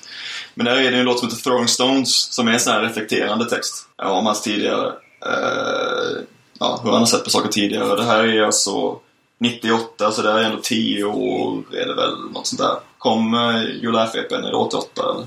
Eh, Ja, något sånt. Ja, den är på 87. 80, ja, det kan nog 88, stämma. 87. Ja. Och då, den låten börjar ju med att When I was about 19 or 20 I think the greatest mistake I made was overestimating the power of the chemical itself. Eh, och sen så lite senare eh, By the time I was 25, maybe 26 I think the greatest mistake I made was underestimating the power of the addiction itself. Så det han pratar om där är väl å ena sidan då att han eh, överdrev saker som sen tonåring eh, när han ville predika om straight edge. Och sen så när han sålde ut straight edge så hamnade han väl i problem. Ja. Så att han eh, eh, underskattade hur farligt det faktiskt kan vara. Så, vid, Ja. vid, vid, vid den tiden i sitt liv. Dan Mahoney kom ju från en, en familj med drogproblem. Hans farsa var, var ex-heroinist hans syster var eh, aktiv heroinist. Eh, och han var väl naturligt drog, eller liksom straight edge. Eh, var väl emot hela, hela den, den grejen redan innan de fick reda på straight edge-grejen. Mm. Det finns ju sen två år senare, jag tar det nu, även fast vi hoppar lite mer på andra. Så alltså, år 2000 så spelade de in en sjua med ett man som heter John Henry Holiday. Jag vet inte ifall den släpptes 2000 eller om den släpptes några år senare. Men på baksidan av den så är det två boxningshandskar där det är alltså två plåster som bildar ett X. Eh, och vad jag förstår så har han egentligen var inte straight edge liksom. Då kanske han har blivit det igen, jag vet inte. Ingen aning. Men eh, det är ju en fruktansvärt bra sjua som har gått under radarn lite grann för många tror jag eh, som är svinhård. Alltså det går tillbaks egentligen till Julaf eh, hårdheten så. Och även väldigt dra åt helvete texter liksom. Um, you fucking pig. Eh, ja, och så vidare och så vidare. When is it fucking okay? Never. When is it within your rights? Never. When will this shit go away? Not in this life. Ja, det, det är massa sånt där då. Ehm, och den är, den är pisshård, den sjuan. Det, den, den går att hitta ganska Vad hette, billigt. vad hette bandet? John Henry Holiday. Okej. Det är annorlunda. Men eh, det är fyra låtar på den sjuan. Och det är Live Wire, alltså Ed McCurdy. Eh, som ju också har lite kopplingar sen till band vi kommer snacka om senare. Men han är, han är inte från, från Orange County, men Jag är från New Jersey. ja, precis. Mouthpiece. Ja, det är ju Hands Tied Mouthpiece. Han, han spelade inte i Mouthpiece, men i Hands Tied Ja. tror jag att det var så. Så det är hans, hans bolag, så den, den rekommenderar jag. Men jag, jag kom bara att tänka på det här med att de här plåstren som bildar X på baksidan av, eh, av den sjuan då, som ju är två år efter att han reflekterar om det här med, med The Chemicals och Addiction i låten eh, Throwing Stones på Speak-LPn. Men jag tror att det har varit lite, lite, lite fram och tillbaka. Att det är liksom mycket självreflektion. Mm. Eh, Men eh, jag har läst att, att eh, anledningen till, ja, som jag sa, att han var liksom eh, ja, mot, mot droger redan från början. Och att det egentligen inte var en så stor grej. Men när, eh, när den nya hardcore-scenen började ta vid så var det jävligt mycket edge mot non-edge. Och då blev det helt plötsligt en jävligt viktig grej att börja rappa.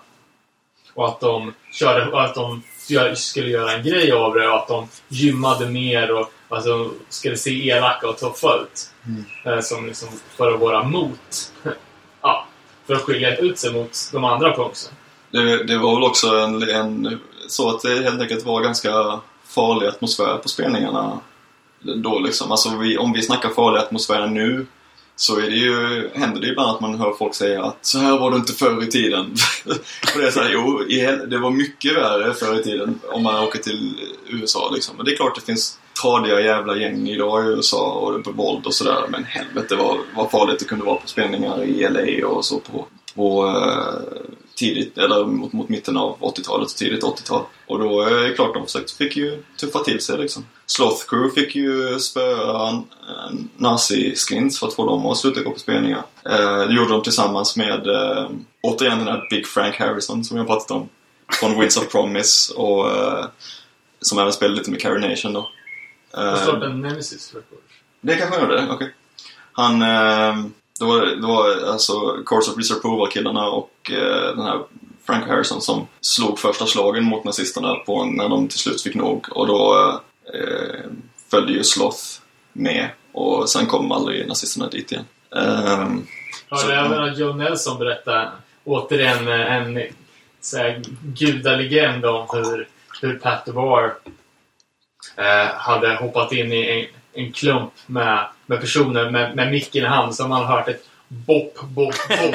så hade han sänkt, sänkt 10 pers som, var ja, som kom för, kom för att bråka. Och så bara, det här var liksom inga, inga eh, jocks som bara drog förbi för att ställa till bråk. De här killarna, de var eh, ja, eh, så ri, riktiga, riktiga gangsters och alla de åkte dit för mord eller dog liksom ganska kort, kort efteråt. Spelningen var ju väldigt stor också. Det kunde alltså vara fler, ett par tusen folk på spelningarna. Liksom. Så att eh, det är ju, det är ju eh, liksom en storlek som idag skulle kännas som en stor festival. Typ, Ja, liksom, exakt. som det var spelningar. Ser man videos på så här gamla Circle Jerks och Crucifix och andra California-band så kunde det vara alltså, jättemycket folk. Dave Kennedys spelningar och sånt där. Så att det, ja, det, det är en helt annan grej på något sätt. Men sen på, på LPn så spelar ju, apropå trummor då med återigen med No For Answer, så Zack, de la Rocca från Rage Against Machine spelar ju lite men då var det så på LPn så är det Chris, Chris från eh, Inside Out som ju också har då en Zack-koppling. Tror det är han som spelar på LPn. Mm. Om jag inte har helt fel fel för mig. Han spelat med honom i alla fall. Jag, förr i tiden hade jag någon VHS med en spelning från New York tror jag. Där det är han som spelar trummor också. Han har ett väldigt, väldigt ganska speciell trumstil. Ehm, och ehm, så han var ju med. Jag tror han spelar på LPn. Han spelar också i Chain of Strength. Det är väl där han egentligen är mest känd. Inside Out är känt men det är kanske, Inside Out är kanske inte mest känt för att det är han som spelar trummor. Nej. eh, men eh, jag såg en, en, en intervju med Dan Mahoney angående Carrie Nation. Eh, och nu vet jag inte om den är med på den här Or- Orange County Hardcore-dokumentären eh, som vi inte har sett på väldigt länge.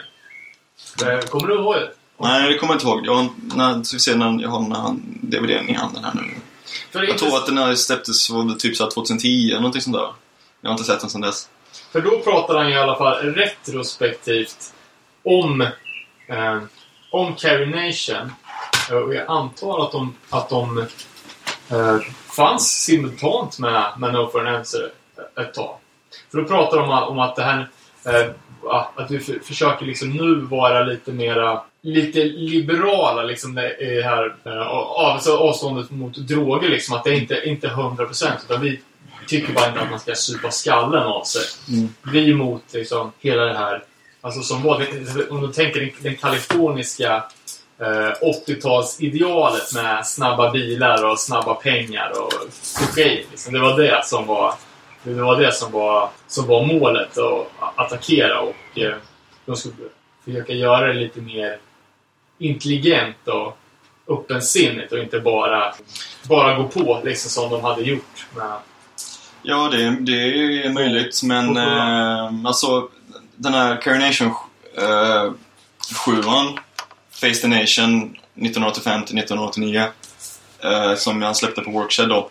Den har ni. Jag, tror också att det är så att jag har ju No For An Answer A Thought Crusade på, på CD bara. Jag Ja. hittar inte den nu. Men jag har för mig att Carination 7 finns som bonus på den CD-versionen Okej. av Thought Crusade. vilken är det som har släppt sedan? Är det Workshed? Jag vågar inte säga det faktiskt. Jag vågar inte. Men, eh, för eftersom jag inte hittar den nu. Men, men texterna på den här sjuan är ju faktiskt ganska hårda. Grave Mistake, en låt som ju handlar om, eh, om eh, drogmissbruk. Eh, den, den första låten heter No Prisoners. Lite. Sen finns det andra sidan en låt som heter Face the Nation då, där det kanske då är, är kopplingen till det du säger. Där det är, första textraden är You're, you're militant, frågetecken, oh kiss my ass. I know that your ignorance will pass. And while you're thinking holy war, I'm thinking unholy war. och sen så är det någon antisnutlåt i slutet. Vilket ju John Henry Holiday också har. En, de har också en antisnutlåt. Sista låten på John Henry Holiday 7 tror jag det är. Och det är samma sak sista låten på den här. Heter Protect and Serve. Det är lite, Ja. Men, men ja. det är lite I don't give a fuck-attityd på, på hans liksom, special thanks to. Yeah right, står det här. Men eh, det, alltså förklaringen till det här då att å ena sidan eh, att de inte ville vara så pekfingriga, kanske hårda, medan texterna här kan, känns som lite både och, Ja. är att just kanske att det är låtar från 85 till 89. Så att det är ett, det är ett spann där liksom. Där de, eh, som kan, den här sjuan kanske speglar den tiden, helt enkelt. Mm. Det ja, på den här sjuan så är ju sättningen Dana Mahoney, Gavin O'Gillespie, Big Frank Harrison på bas och Steve Instead på trummor. Har du lyssnat någonting på 401? Ja, jag har... Eh, eh, Eh, fullängdaren har jag på CD. Den Dan har ju sagt att eh, när de plockade upp Care Nation igen mot slutet av No for an Answer så var det lite som en brygga mellan No for an Answer och 411. Och eh, 411 var väl så att eh, de ville experimentera lite, eller den O'Mahony ville experimentera lite. Och eh, fick erbjudande att göra någon form av sjua till ett fanzine som heter Suburban Voice som hade en sjua med i varje scene. Och då var tanken egentligen att han skulle göra ett samarbete med Dave Smalley och då kommer ju återigen den här eh, det soundet med Dag Nasty och så. Dave Smalley är inte från DC, men, eller Smalley Smalley. Men eh, han sjöng ju på, eh, är det bara första han sjunger på, Dag Nasty eller? Eh, han, sjunger, han, sjunger, på- han sjunger på Can I Say i alla fall. Det är den som räknas. Ja, ja det, det finns väl mer som är bra, men det är väl den som är mest känd. Eh, och, eh, så det var tanken att de skulle göra någonting ihop då, men så Dan Mahoney fick ju gitarristen här, Kevin Murphy eh, frågade han om han kunde skriva lite låtar som var lite Doug Nasty-aktiga och då blev de så jävla bra så att han ville göra något seriöst med det. Alltså inte bara något projekt med Dave Smalley då. Och, ehm, det blev eh, 411 då. Jag har inte den EPen, men som jag förstår det så är det Brett från Bad Religion som spelar in den åt dem. Ja, säkert på West Beach. Ja. i Hollywood. Och Det är Dave, mer- Dave Smalley är tydligen med och, kö- och körar lite eller sjunger på en låt. Ja. Han är med på ett hörn ändå. Jag har inte lyssnat supermycket på det. Jag har både, den serien och, och på den. Det är ju lite mer åt... Eh, eh, så jag skulle nästan dra det lite mer åt skatepunk. Eh, även fast det är ja, också... Om, typ, om du tänker... Eh, Men Doug Ja. Nasty behöver inte vara så långt från skatepunk heller egentligen liksom. nej, det finns ju en, eh, Hallå. Ja. Det är också liksom... Ja, de såg jag på mejeriet förut en gång. Anyway, eh, och eh, alltså det finns ju en... De, här, de här stilarna kompletterar, eller vad säger man, de, de, de, det är inte liksom vattentäta skott mellan de här grejerna. Dag Nasty kan ju kopplas till skate-grejer. Uh, lyssnade på Betrayed som är ett Youth Crew-band från eh, 2000-talet. Så har ju de låtar som är jävligt mycket Dag Nasty. Eh, och uh, ja, 411 uh, finns koppling där också då. Allting knyts ihop lite grann. Ja, men eh, för att, att sammanfatta hela Dan Mahonys katalog så är det ju den är ju jävligt solid. Jag tycker personligen att, att allt han har haft sitt finger med i blir, blir jävligt bra. Mm. Eh, om du skulle be, behöva göra en topp tre-lista då? Kan du göra det på sittande fot? På Dan Mahoney?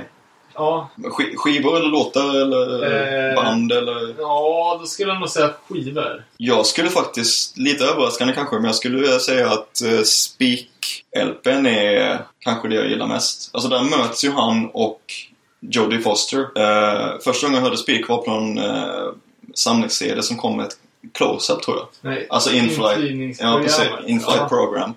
Eh, som ju finns att köpa som riktig skiva, men för att den kom med close-up någon gång också. Ja, Eh, den som så här sig ut. Ja, promotion överallt. Mm, man, ibland hittar man den ju i så här begagnade CD-skivor och. Eh, och då var det en låt som jag hörde då, jag hade inte hört talas om Spe- om Speak innan, så jag tyckte helvete vad det här låter Ignite. Och sen så fick jag förklaringen sen då att det var uh, Jodie Foster från Ignite som väl hade skrivit låten, musiken då. Eh, så den, den tycker jag är helt, helt sjukt bra faktiskt. Ehm, Knee Deep in Guilt, helt rätt. Ja, precis. Och även sjuan, uh, The Scum Also Rise, Rises, tycker jag är väldigt bra. Och den här John Henry Holiday, Know the Ropes. Eh, så. Jag, jag har ju länge haft lite svårt för No for an Answer, LPn. Det, sången är ju väldigt speciell där. Han har, ju gått, han har ju själv sagt att han tyckte det var lite konstigt kanske, att det gick, gick för långt med det här lite gutturala, konstiga rösterna det där. Men, men det finns ju låtar på den som är helt fantastiska. Ja, det är många som inte gillar den. Jag har alltid, alltid tyckt att den Mm. har varit jävligt stabil. Men då kanske det passar bra att vi går ut på en spiklåt när vi går in på Ignite-delen då. Mm, det finns ett band till från tidigare som vi behöver snacka om. Och det är Instead. Mm. Ja, För det är ju redan Ja. eh, 86 typ som deras första platta spelades in. Och det är ju på Wishing Well. Alltså eh, Pat och Pat från Your Home Choice bolag. Den har jag också på CD här, Wishing Well-utgåvan. Ehm, Om vi lyssnar på, på dubbel-CDn i bilen hit så har det att Instead ett band som har med, flugit mig helt över huvudet. Alltså, jag har skivorna. Eh, superklassiskt band. Jag menar, Mm. bara Bounce of Friendship är ju en av de mest ikoniska hardcore-omslagen mm, genom mm, tiderna. Fantastiska gamla fotot från 50-talet med, med tre grabbar från ja, men från olika bakgrunder, liksom en svart, en vit och kanske en latinokille som går och håller varandra om ryggen. Mm. Det roliga med det här var att för några år sedan i, på en som i Berlin, jag kommer inte ihåg vilket av mina band som spelade, men då tog jag ett foto på en kille som hade det här tatuerat, men den svarta killen är inte med. Det är bara de två, de två andra som då är Ja, de ser ut att vara blonda liksom. Men det kan, du, Chicano säger du, det skulle det kunna vara. Men ja, det är ju väldigt tydligt att den ena killen till vänster är, är afroamerikan då. Ehm, eller svart. Men ja, det var lite, lite speciellt att se. Ja. Jag känner igen det där, men det, ja, det är för fan den, han har tagit bort den. Men eh, ehm, ja, den här släpptes ju på Wishing Well då. Och det finns en story, jag, och det är faktiskt eh, eh Steve Larson då, trummisen, som berättade den för mig. Eh, han och min kompis Kevin som jag pratade om innan kom till eh, Pomona eh, söder om, är det väl, söder om Los Angeles när Cockbust spelade 2013 och jag gjorde merch åt Cockbust på den turnén. Och sen så åkte jag med dem tillbaks till Orange County. Och eh, då berättade Steve en story om att vid det här laget så, eh, jag trodde det var 86 men det är fan 88 märker jag. Men det kanske, de hade ju någon sjua innan dess också. va? Och eh, då eh, ska det ha varit så här, vid det här laget så var ju redan uh, Uniform Choice och Un alltså, hade börjat göra det här med väldigt lite rockiga låtar och melodiösa körer och sådär. Och de ska alltså ha försökt pressa istället att nej, ni måste ha mer, mer melodiösa körer. Och det ska vara i låten eh, Proud Youth tror jag framförallt. Att det var något sånt där. Och att de först inte riktigt vågade säga nej, men sen på något sätt så lyckades de se till så att de inte behövde ha med de här körerna på skivan. Men de, de spelade liksom in sådana här konstiga melodiösa körer som de inte alls tyckte passade först. Eh, och det, det är väl den andra What We Believe, andra Instead LPn, eh, som är inspelad av eh, återigen Brett från Religion i West Beach Studios. Och släppt på Epitaph också. Och släppa efter. Ja, de blev ju ganska stora där. Alltså, spelade i någon bild där på en spelning med massor med folk liksom. Ehm, men efter den s- plattan så småningom så la de väl av. Sen har de gjort återföreningsspelningar och sådär. Men, men Instead var ju ett super band alltså. Ja, men det, känns ju som ett det fin- Seconds. Liksom. Ja, precis. Det går ju knappast att bli mer eh, posse hardcore än, än Instead. Så. Tänker man ju på låten Proud Youth också. I tyska bandet från Revival-vågen som, som var Benny Live och, och så, En, an, en annan parentes som innan vi går vidare nu på 90-talet och Ignite och sådär var ju ett band som inte är ett Orange County-band men som har kopplingar. Och det är Circle Storm som ju blev, eh, kan man säga, Chain of Strength. Eh, sjuan... eller som var känslan. Ja, det var väl kanske... Jag vet inte om det var exakt samma medlemmar men flera av dem var ju Ja, det samma i alla fall. det var kort och...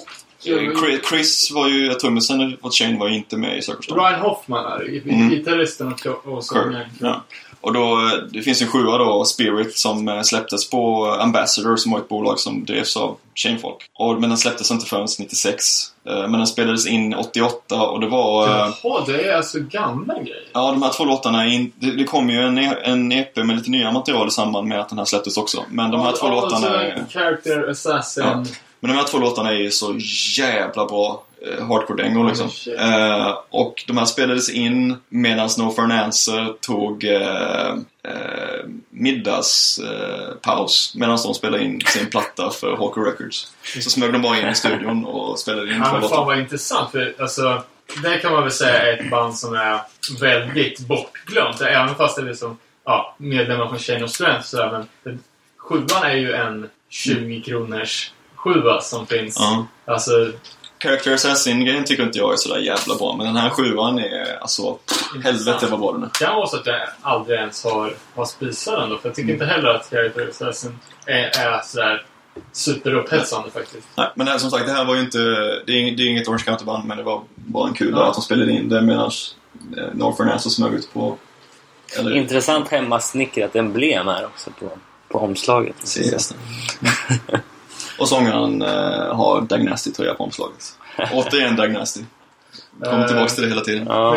Of Strength, de är ju uppifrån... Skitsamma, men de är ju från en stad... Alltså vi snackar ju bara mil ifrån gränsen till Mm. Orange County. County lite längre in i landet, så... Och det fanns ju ett spelställe som låg precis på gränsen mellan LA och Orange County och sådär också. Som, så att, som återigen så suddas ju ibland de här gränserna och även stilmässiga och bandmässiga och geografiska. Det ett spelställe som heter Fenders som låg precis Ja, nej, då, äh, ja, eh, man kan väl säga lite grann att Instead var västkustens Grilla Biscuits på något vis.